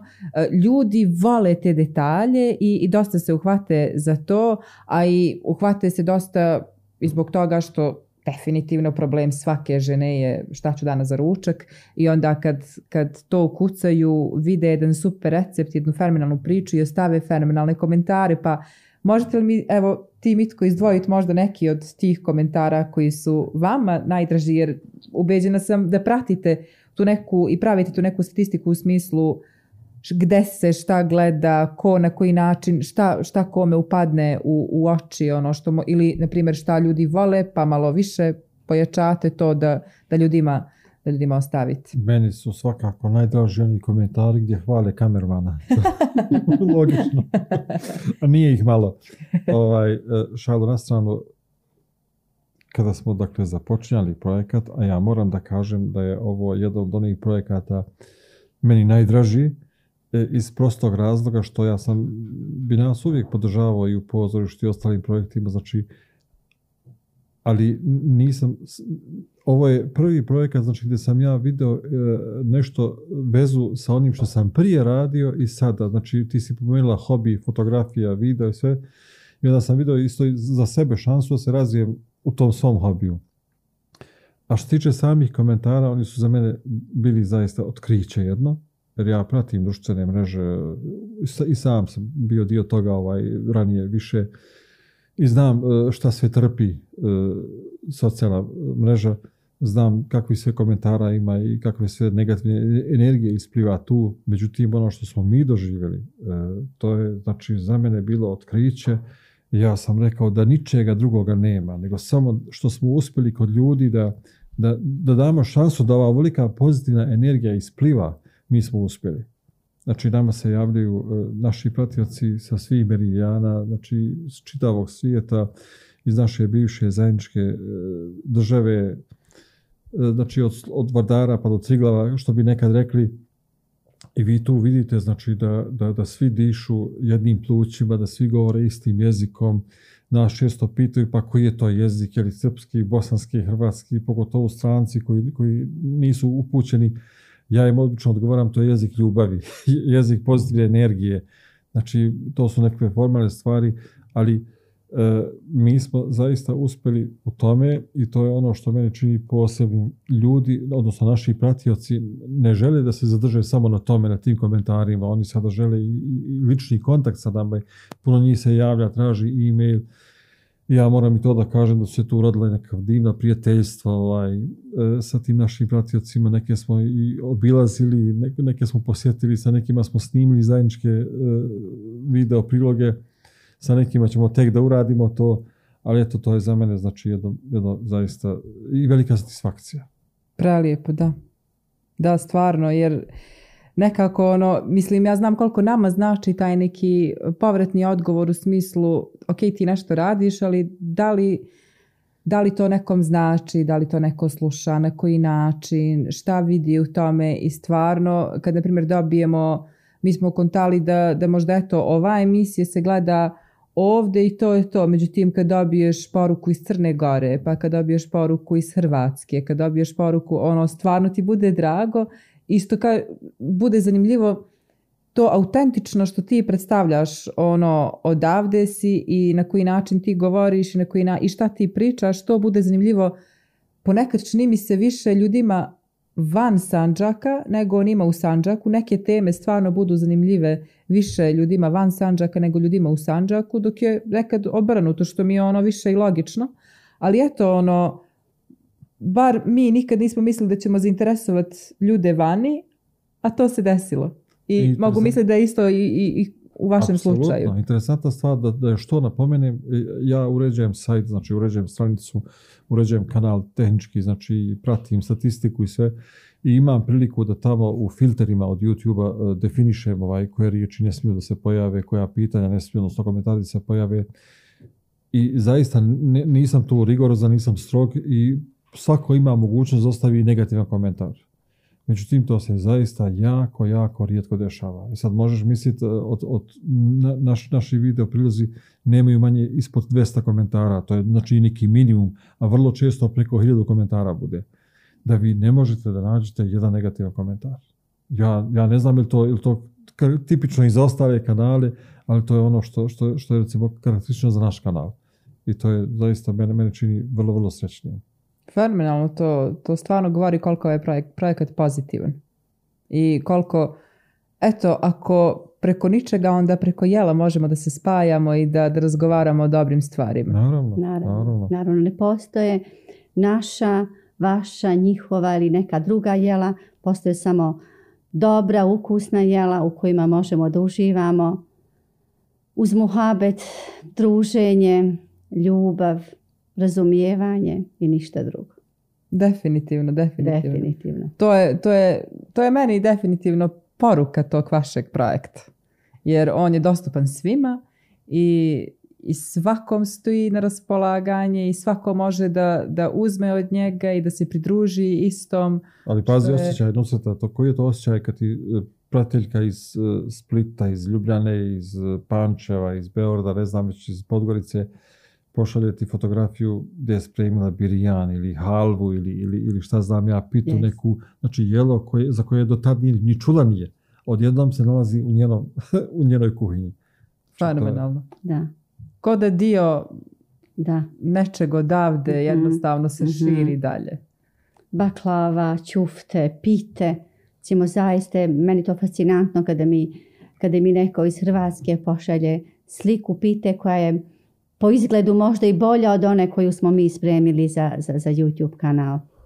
Osim toga mi imamo, imamo jednu pratiteljku, moram da je pomenem, Vesna Nađ, mi svi nju zovemo pjesnikinjom, ja sam čak i ubijeđena da, da ona zaista jeste to. Ona nama umjesto komentara svaki put napiše stihove i vjerujte mi da dobar dio naših pratilaca jednostavno ode tamo na komentare tražeći Vesnu nać da vide šta je to ona eh, za nas napisala. Fenomenalno je i nova prijateljstva i, i, i, neke nove stvari kroz, kroz eto, samo jedan na izgled da. jednostavan projekat, ali sa puno, puno, puno ulaganja. Mislim, kad ste sad krenuli da, da pričate šta sve radite, pa od tog uređenja, kako taj prostor treba da izgleda do toga, šta će da se spremi tog dana preko toga, na koji način sve to treba definisati, napraviti, kako kamere postaviti, šta obući, jeli, to bude ponekad onaj problem u smislu stvarno, ono, toliko je. Koliko je emisija do sad? Jel znate? Tačan broj ne znam, ali preko 200. Eto stvarno treba iskombinovati i, i prostor i vrijeme i bukvalno sve i skontat šta spremit, odakle vam vremena? Mislim, slušajući vas, ono, radite uh, svakodnevno, imate samo vikende, ali slobodne. Jeste. Verovatno posle posla radite i dalje pa eto, poslije radnog vremena i vikendi, to je to. I, i odmor, naravno. I odmor, ali... Ovo je vrijeme, znači, svaki, svaki slobodni trenutak. Znači, svaki slobodni trenutak, ovaj, pokušavamo da se organizujemo tako da naš nekakav normalni život ne trpi, mada to nije baš moguće, jer je zaista zahtjevan je posao, pogotovo nakon snimanja prije snimanja bi nas ima mnogo više posla od mene, nakon snimanja ja sam taj koji ima više ovaj, posla, ali do, do sada funkcioniše. A ne ono, znaš, ti pričaš, pratiš statistiku, vadiš sajt, YouTube, ti spremaš, uređuješ, mislim to je stvarno ono posao za, za jednu, pa eto, agen, hajde ne kažem firmu, ali makar agenciju, da, ono koja, koja bi se bavila samo tim projektom i to je to. I što definitivno, definitivno treba da se pretoči u knjigu, mislim, i ne samo knjigu, možda i, neku kompilaciju u smislu CD-a ili e, na, na, na fleški nekih videa koji će da, da budu uz tu knjigu kao prilog za, za buduće nove mlade koji, koji, koji će želiti da nauče sve to, ako ima će trebati možda taj neki vizualni efekt jer fali nam tog pisanog materijala od tradicionalnih jela. Eto, ne znam da li ste razmišljali o tome, ali meni bi to stvarno puno, puno značilo da, da imamo u, u, našim bibliotekama. Jesmo, ovo je vrijeme elektronskih medija, međutim imao sam prilike prilike da slušam našeg velikog književnika Dževada Karahasana koji govori baš o, o tim stvarima i kaže ovaj, koliko je važno imati knjigu, imati papir u rukama, da čovjek osjeti papir, miris papira, tako da i ovo što radimo vrlo je važno, vrlo je značajno. Ja, mi ne znamo kakva će biti sudbina elektronskih medija, mi vjerujemo da će ovo ostati ovaj, prilično dugo dostupno široj publici, međutim na tome se ne zaustavljamo. U planu je jedan kuhar, mi smo... mi na tome radimo već sedma godina. radimo već prilično... prije YouTube kanala smo mi to započeli. Da, zapravo i prije kanala smo počeli. Ovo je samo neki nastavak i, YouTube kanal će obogatiti znači taj kuhar u smislu da će ovaj jedno drugo pratiti. Znači ono što bude u kuharu objavljeno bit će ovaj preko par koda znači onog povezano sa, sa YouTube videima tako da eto da ne puno detalja. super mislim dobro se namestilo da vas ljudi prvo upoznaju da, da steknete povjerenje kod ljudi i da, da oni vide da je to što, što će biti u kuvaru stvarno ukusni i kvalitetno. E, samo, baš se super napravilo. Samo se posao kuhara se malo ovaj, odužio iz objektivnih razloga, jer ovaj, nije još taj, ta, ta, ta, čitav eh, asortiman proizvoda nije, nije zaokružen. On još uvijek ovaj, u doradi, a i sama, sama ta strana je vrlo zahtjevna. Ovaj, ja moram naći sa slobodno vrijeme pored svega ovoga i zato, ali dobro, mi se nadamo. Pa kuhinja našeg podneblja je jako interesantna, obimna, raznolika, tako da bi nam naprosto bilo žao da nešto propustimo, nego smo krenuli od onog naj, naj ne znam, da li ste čuli za zerde, Tako od nekih, od nekih najsitnijih naših slatkih i slanih jela pa do baklave, jahnije i svega ostalog jer nam je zaista želja da to bude... Da obuhvatite više. Da obuhvatimo sve ono što je tradicionalno, što je tipično za naše krajeve, sve ono što se nekada kuhalo u mutvacima naših nana. A imaš li neke te recepte, ono stare, da, su ti ostale od, od na primjer, tvoje majke? Nane? Naravno, naravno. Ja imam jednu svoju svesku od koje se kud god da idem, ja tu svoju svesku nosim sa sobom. Ona je sva podarana, ona, ta moja sveska je stara preko 45 godina. To je i sveska, jedan, jedan dio mog dnevnika. Recimo, ja sam tu bila sam dijete i rado sam za vrijeme letnjih raspusta boravila kod moje tetke u Ćukovcu. To je bila sestra moga, moga oca. To je ovdje negde? Da, to je baš tako ovako vazdušnom linom nekih par metara. ja sam e, rado boravila kod nje i desilo se da sam zapisala onim uvijek to rado gledam onim svojim olovkom, svojim dječjim rukopisom, možda sam bila drugi ili možda i prvi razred osnovne škole, zatekla sam se kod nje kad je ona krečila i sređivala je kuhinju. I ja sam zapisala tim, znači tim svojim dječjim rukopisom, rekla je hala, šoljice da se prevrnu i ručkice na desnu stranu. Pa dole ispod, kad odem kući, reći ću to majci. Aha, i to stoji u tom mom kuharu, dnevniku i naravno tu su sabrani, e, sabrana su sva ta jela, najprije od moje majke, sve ono što, se, što su tada ščike spremale, kada su se na svadbama okretale od 10 do 15, pa nekada i 20 sofri, slatke sofre, slane sofre, sva jela koja su se spremala za tokom mjeseca Ramazana, za bajrame, za sva ostala veselja, znači sve će to biti tu e, sabrano, a osim toga e, nastojimo da ispod svakog recepta unesemo i neki adet, povod kada se to jelo spremalo i naravno ime onoga od kog sam taj recept preuzela. bila bi, mislim da bi bila prava nepravda. E, ne mogu da kažem, evo samo jedan primjer, moja majka recimo nikada nije sukala dudove, nije spremala sukane dudove. Ona je bila ščika slanih jela. A za baklavu je pozivala jednu svoju prijateljicu koja je bila ščika slatkih jela. A u mom kuharu će se ako Bog naći sukani dudovi i bila bi prava nepravda da se tu ne nađe ime osobe od koje sam taj recept preuzela. prelijep I tako će da ostane da. to ime i da se pamti. Da Naravno. stvarno, stvarno prelijepo. I, I, to će da bude zaista jedan također vrijedan projekt. Ako Bog da. Fenomenalno. Ja bih voljela sad da e, često nekako ljudi koji odu pa ne budu u, u svom mestu neki duži period i kad se vrate, oni čini mi se najbolje mogu da vide e, stanje te zajednice iz koje su ili odakle su. Nekako mi koji smo stalno ovdje malo teže vidimo sve naše propuste ili neke pozitivne stvari koje su među vremenu desile, a što nije slučaj s ljudima koji, koji dođu jeli, da obiđu svoje i prođu čaršijom, osete vibraciju ljudi, energiju i, i generalno se osvrnu na dešavanja koja, koja su posljednjih mjeseci prisutna u, u toj zajednici. Pa bih voljela da, da mi vi kažete, e, to generalno skoro svakog pitamo, eto na primjer uh, Bino ti šta je ono što prvo primetiš kad dođeš, što je pozitivno, a šta je ono što, što bi možda trebali da promijenimo da, da bi bili bolji, snažniji, nekako bolji kao zajednica? Ono što ja znam često da kažem jeste da sam, da sam ponosna novopazarka. Da se ponosim svojim šeherom, svojim sugrađanima i svime onim što, što čini moj grad.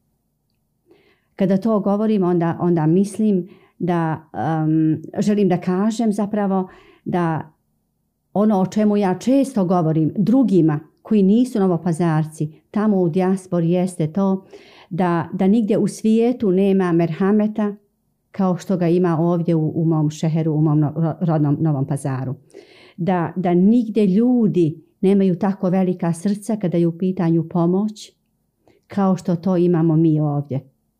Evo naveću samo jedan primjer. Prije neki dan je jednom mladom novom pazarcu bila potrebna pomoć vezano za, za operaciju jetre. Ja sam sa ponosom pokazivala svojim prijateljicama kako je ta akcija tekla. one su me pitale pa kako je to moguće? kako to je to u Njemačkoj, recimo u drugim evropskim zemljama završavaju osiguranja bez ikakvog problema. A ja sam njima objašnjavala da to rade građani, da se radi i, da, i da mi to, to nije prvi put da, su te, da se te akcije non vode i da uvijek građani pomažu. Koliko toliko li građani pomažu. A razlog je zbog toga što većina nas, što većina onih koji pomažu zapravo, zapravo stave tog jednog tarika na mjesto svog djeteta. Danas je bolestan taj tarik, sutra može biti bolestan moj tarik ili tvoj ili neki drugi momak će biti bolestan i mi krećemo sa, sa tim nijetom da pomognemo svom djetetu jer svaki Tarik je moje dijete. E, mislim da to ima samo u Novom Bepazaru. Tako je, tako je bilo sa koronom kada, je, kada smo dnevno ispraćali, ispraćali po nekoliko mejta na, na, na veliko groblje, na kazilar, isto tako je, su građani širom dijaspore i ne samo oni tada su svi novopazarci koji su bili u situaciji, svako je pomagao na svoj način. Mladi ljudi su barabar sa ljekarima, medicinskim sestrama pomagali, nosila se voda, hrana. Znači ja sam tog momenta bila najsretnije stvorenje novom dunjalu koje sam mogla svima da pokažem šta se to tog momenta, kako pati moj grad, a sa druge strane kako to moji sugrađani rade. Znači, htjela sam da kažem to da sam po, e, iz tih razloga ponosna na moj rodni Novi Pazar. E sad, sa druge strane, moram da kažem da su moja osjećanja pomiješana.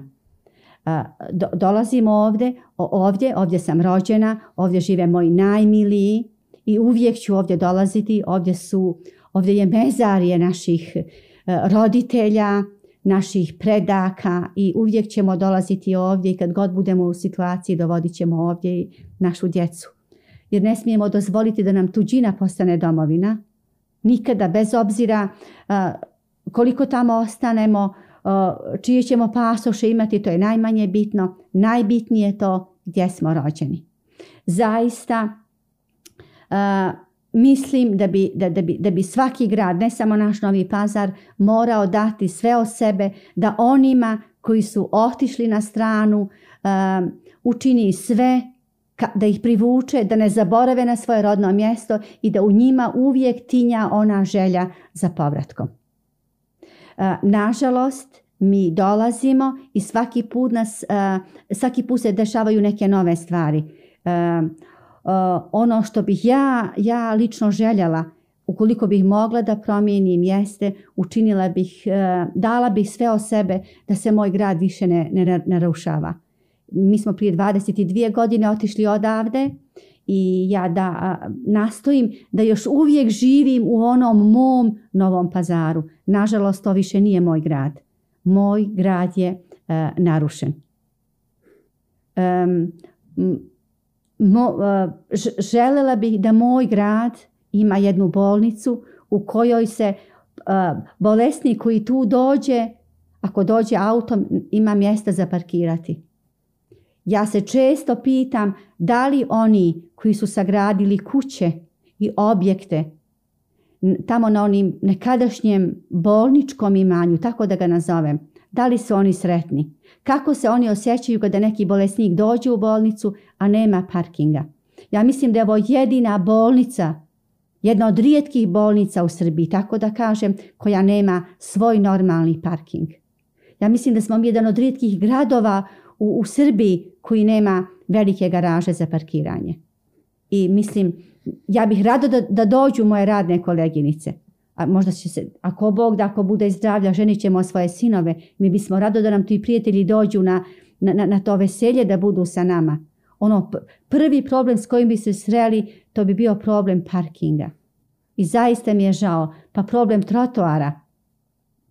I tako dalje da ne nabrajam, bojim se da, mi se neko ne naljuti. Nema, to nema to su stvari koje, što, što, što ti kažeš, koje bi trebale da nas približe, da, da. nikad ne pomislimo da odemo odavde, a s druge strane da oni koji su otišli da, da kažu ja želim da se vratim, ali želim da, da se vratim u bolje, jer što bi išli u nešto što nije naravno, bolje. Naravno, naravno.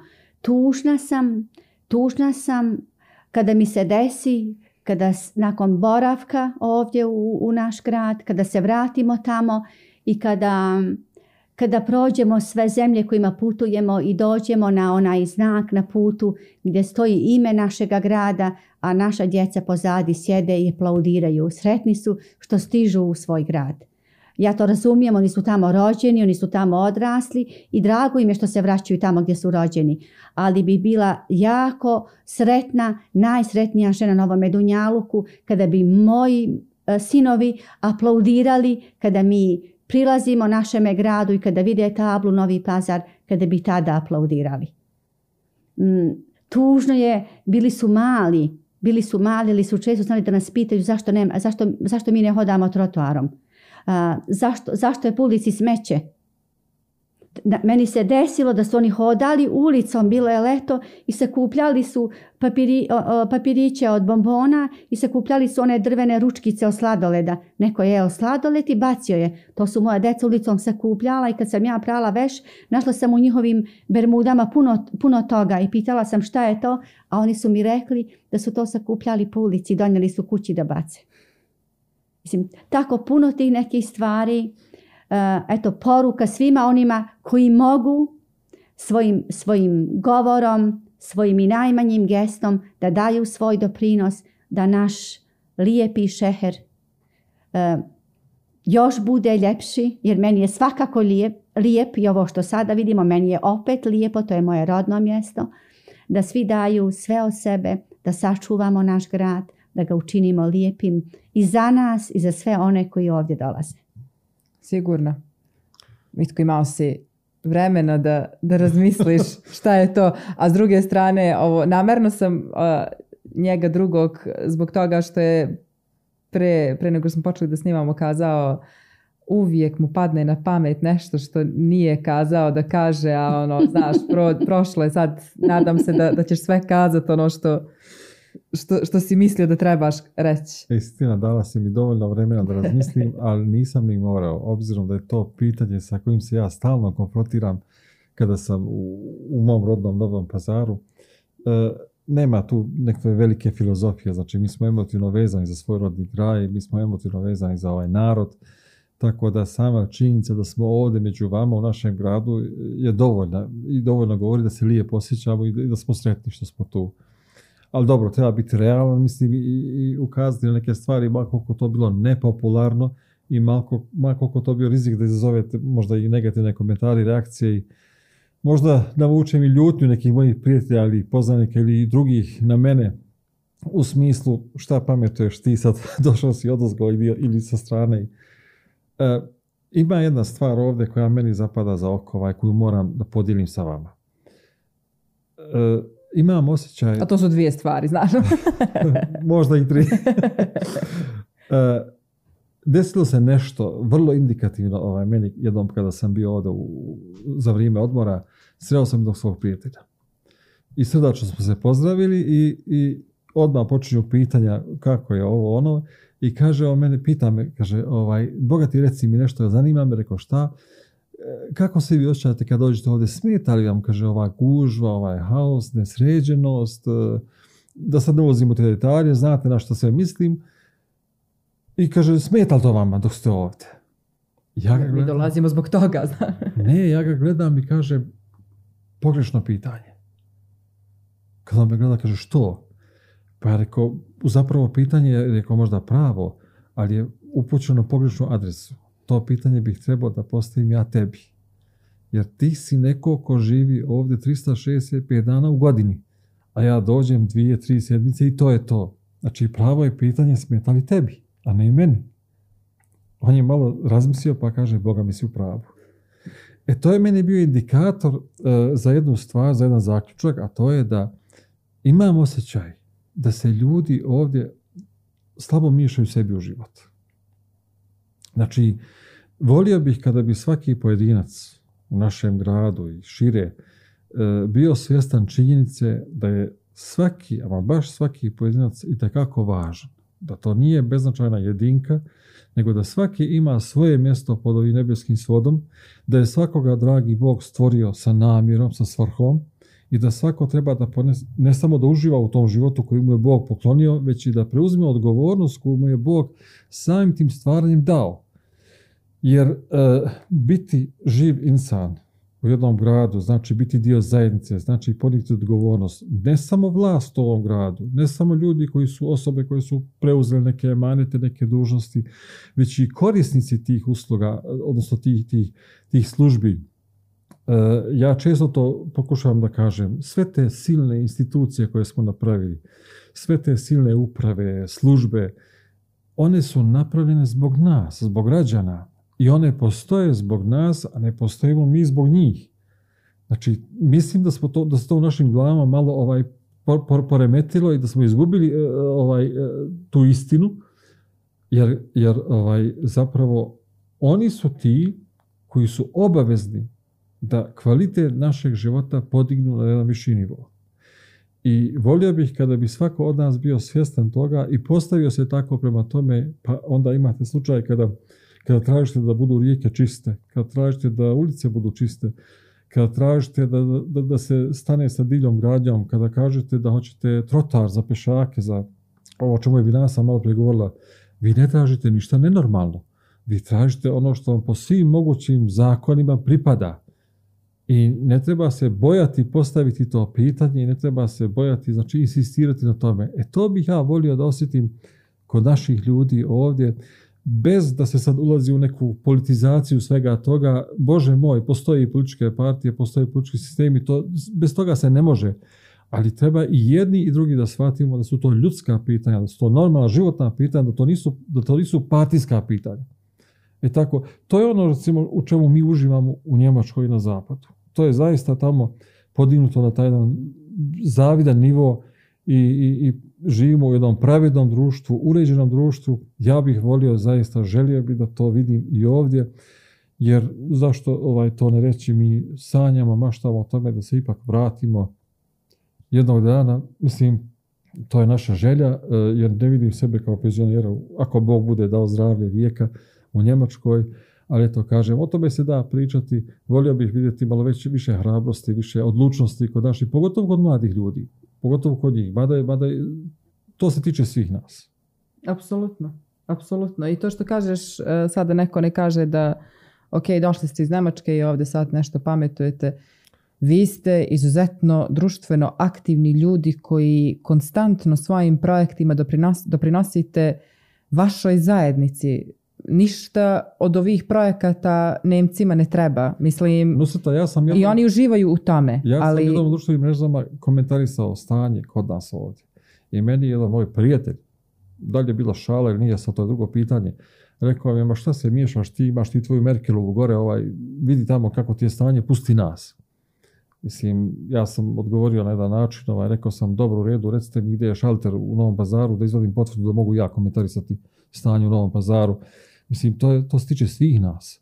Apsolutno. da... Apsolutno.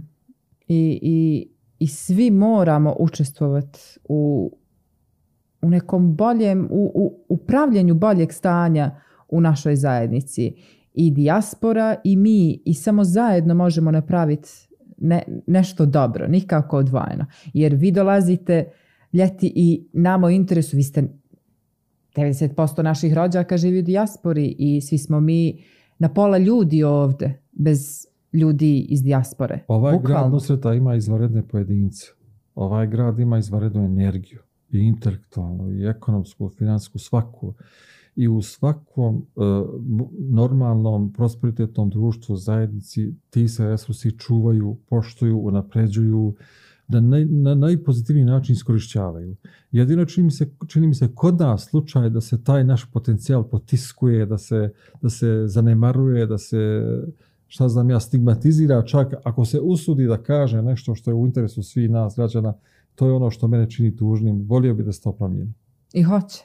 I mislim, previše pričamo, e, previše je fokus e, o novom pazaru, jer jeli, svi smo iz tog grada, ovaj podcast se sluša sad e, i e, širom Srbije u smislu e, na, na, na, svim podcast platformama smo i, i svi ljudi će moći da, da slušaju. Zbog čega ovo kažem? Zbog toga što E, Novi pazar nije pitanje samo no, novopazaraca. Novi pazar je pitanje i kraljevčana, i raščana, i novosađana, i beograđana. Isto ko što je Beograd pitanje novopazaraca i itd. itd. Mislim, svi mi moramo da mislimo jedni na druge i o ovim pitanjima koje ste oboje naveli i, i to da je svaki pojedinac važan i da ima puno potencijala u mnogim ljudima, ali isto tako ima puno, puno potencijala i u ovom gradu i u svakom drugom gradu oko nas. E, dosta je stvari koje imamo da pokažemo. Ja sam danas prolazila kroz Priboj, e, pa onda Prijepolje, e, Novu Varoš. To je fenomenalna priroda, lim, prelijepa rijeka koja kažu da je prehladna, ali super za ovo doba godine, ono kad je plus 30 vani, ekstra ti je da, da jeli, ne znam, čamcem prođeš limom i slično imamo stvarno previše potencijala, cijeli ovaj region i šire i šteta je da se za te neke tipa zbog čega ti komentarišeš tako ili ti ćeš da mi kažeš ti mi znaš, ti tamo živiš ili ja vamo živim, da se zaustavljamo na tim nekim negativnim stvarima umjesto da razmišljamo u pozitivnom nekom smeru i da, da odradimo stvarno super stvari koje, koje će privući sve te neke naše ljude koji su vani da dođe i da nastave svoj život ovdje. Ja često kažem, zašto da idemo za Njemačku, Švajcarsku, Francusku, kada možemo da imamo Njemačku i Švajcarsku ovdje u Novom pazaru? I sigurno možemo. Jer pretpostavke su tu, znači naši ljudi koji, koji žive i rade na zapadu daju najbolje rezultate u svojim poslovima i u zajednici. Znači, znači nije do toga, do nečeg je drugog. To je to. I mi imamo, ne znam, Eh, taj neki svetski kanal 24 Kitchen, jeli, eh, koji, koji ljudi gledaju širom svijeta i koji se uvijek nekako često ono vidim u nekim kućama upaljeno to ono haj neka nešto radi pa to je ako neki dobar recept bude ekstra ako ne makar se nešto vrtiš, to ne bi mogli da imamo nešto poput Bininog Sahana, ono 24 sata da se vrti na, na nekom našem lokalnom kanalu ili, mislim, razumijete što hoću da, da kažem, da nekako podržavamo mhm. jedni druge, da, da, da tom podrškom osnažimo jedni druge za neke veće projekte koji su realni i mogući na ovim prostorima. I, I stvarno potrebni. jesu. I jako potrebni. Stvarno jesu. Moramo da razgovaramo. Može. I to definitivno. Možda... Eh, ako, ako misliš u globalu, moramo da razgovaramo to. U tom, ovaj... smislu, u tom smislu i pohvale za vaš projekat, za takt, zaista i to je jedna vrlo, vrlo pozitivna stvar, platforma gdje se čuje glas tako nas, da ukažemo na te stvari. I to je, to je važno I, i želim da, da već eto za godinu dana, ako Bog, da listamo jedan kuvar ovdje, kuhar to jest, da, da, da listamo jedan kuhar ovdje, da, da razgovaramo o tim nekim novim recitima e sad sigurno pitanje e, za kraj, e, pitanje koje ste vjerovatno imali, ovaj, koji su vam mnogi postavljali, ja nisam i ne znam koje je vaše miljeno jelo. Bino. Mm-hmm. Mitkovo omiljeno jelo su sve vrste pita. Da, Mitko, Mitko zaista voli pite, ja to rado za njega spremam apsolutno sve vrste pita on voli, ja isto tako volim pite, ali ono što ja posebno volim jesu jela sa jagnjećim mesom. Eto. To je nekada bamija, nekada boranija, nekada jednostavno jahnija, pa od fino sa onom jagnjećom maramicom i tako slično. To su jela na koja sam ja odrasla, u kojima sam uživala, koja su bila neizostavan dio naše bajramske sofre i ja jednostavno živim se time. Uf. E, nadam se da oni koji slušaju nisu ogledneli, ako jesu neka trknu odmah na, na profil Binin Sahan, na YouTube kanal Binin Sahan i tu vide sve, sve recepte koje mogu sami da naprave kući, jeli? Uh, e, ja znam ih tko nije još probao, ali... to Onaj, i, i osim toga da kroz to jelo koje prave upoznaju kulturu jednog naroda e, koji živi na ovim prostorima, koji živi u Sanđaku i koji je vrlo otvoren i rad da se upoznaje sa mnogim kulturama. E, skoro nam je bio, još ovo ali stvarno nešto vezano za, za, za kulture, e, književnik krefik Ličina koji je kazao meni jednu fenomenalnu stvar. Kaže, sad je u svijetu na zapadu to popularno multikulturalnost, e, ne znam, pa ne znam, to drugač... različite vere se upoznaju, šire svoje priče, upoznavanje i to. A kaže, mi u pazaru vijekovima to živimo i zapravo njihovo to, kaže, multikulturalnost, e, multinacional, nešto sve na multi je kad žive jedno pored drugog i to je to a naše je totalno drugačije. Mi živimo jedni pored drugih, ali mi znamo sve jedni od drugima. I to je, to je nešto što se stvarno može osjetiti na ovim prostorima, to jest u Sanđaku, u mnogo većoj dozi. I kroz jela, i kroz kulturu, i kroz priče, i kroz tradiciju. Što... Mi znamo sve jedni od drugima i mi pazimo na osjećanja jedni Upravo. Što je jako važno. To je zaista jako važno. Hvala vam puno što ste došli. Meni je mnogo bilo lijepo sa vama. Hvala što sam vas još više upoznala. Hvala tebi na gostoprimstvu i nama je bilo jako prijatno s tobom. Eto, očekujem vas opet da, da, da pričamo o nekim novim projektima, možda u nekom drugom da prostoru. ako Bog da. Ako Bog da, Hvala vam još jednom i pozdravite svoje i vidimo se. Hvala, vama oboma. Pozdrav I vama i svim našim pratiocima. Svakako. Ljudi, čuli ste, uh, Binin Sahan YouTube kanal je nešto što definitivno morate da, ako već niste, a ubeđena sam da jeste, ali eto, ako niste, obavezno otiđite na Binin Sahan i naći ćete super, super recepte za fenomenalna jela sa ovih prostora. Eh, nas svakako možete pratiti na našem uh, sajtu taktinfo.rs, tu se nalaze i svi naši podcasti, ali osim na tom mjestu, podcasti se nalaze i na svim podcast platformama i odnedavno smo pokrenuli, uh, Tarik, nedavno smo pokrenuli Patreon, upravo dosta, dosta stvari smo nedavno pokrenuli pa, pa sve ne mogu ni da, da popamtim. Pokrenuli smo Patreon, zapratite nas i tu, super su neke ponude i, i, ja mislim povoljne jako ponude za sve vas koji želite da, da čujete naše podcaste. Naravno, umeđu vremenu šaljite nam ideje, preporuke koga sledećeg dovesti u goste. Hvala vam još jednom što ste bili uz nas i budite u taktu.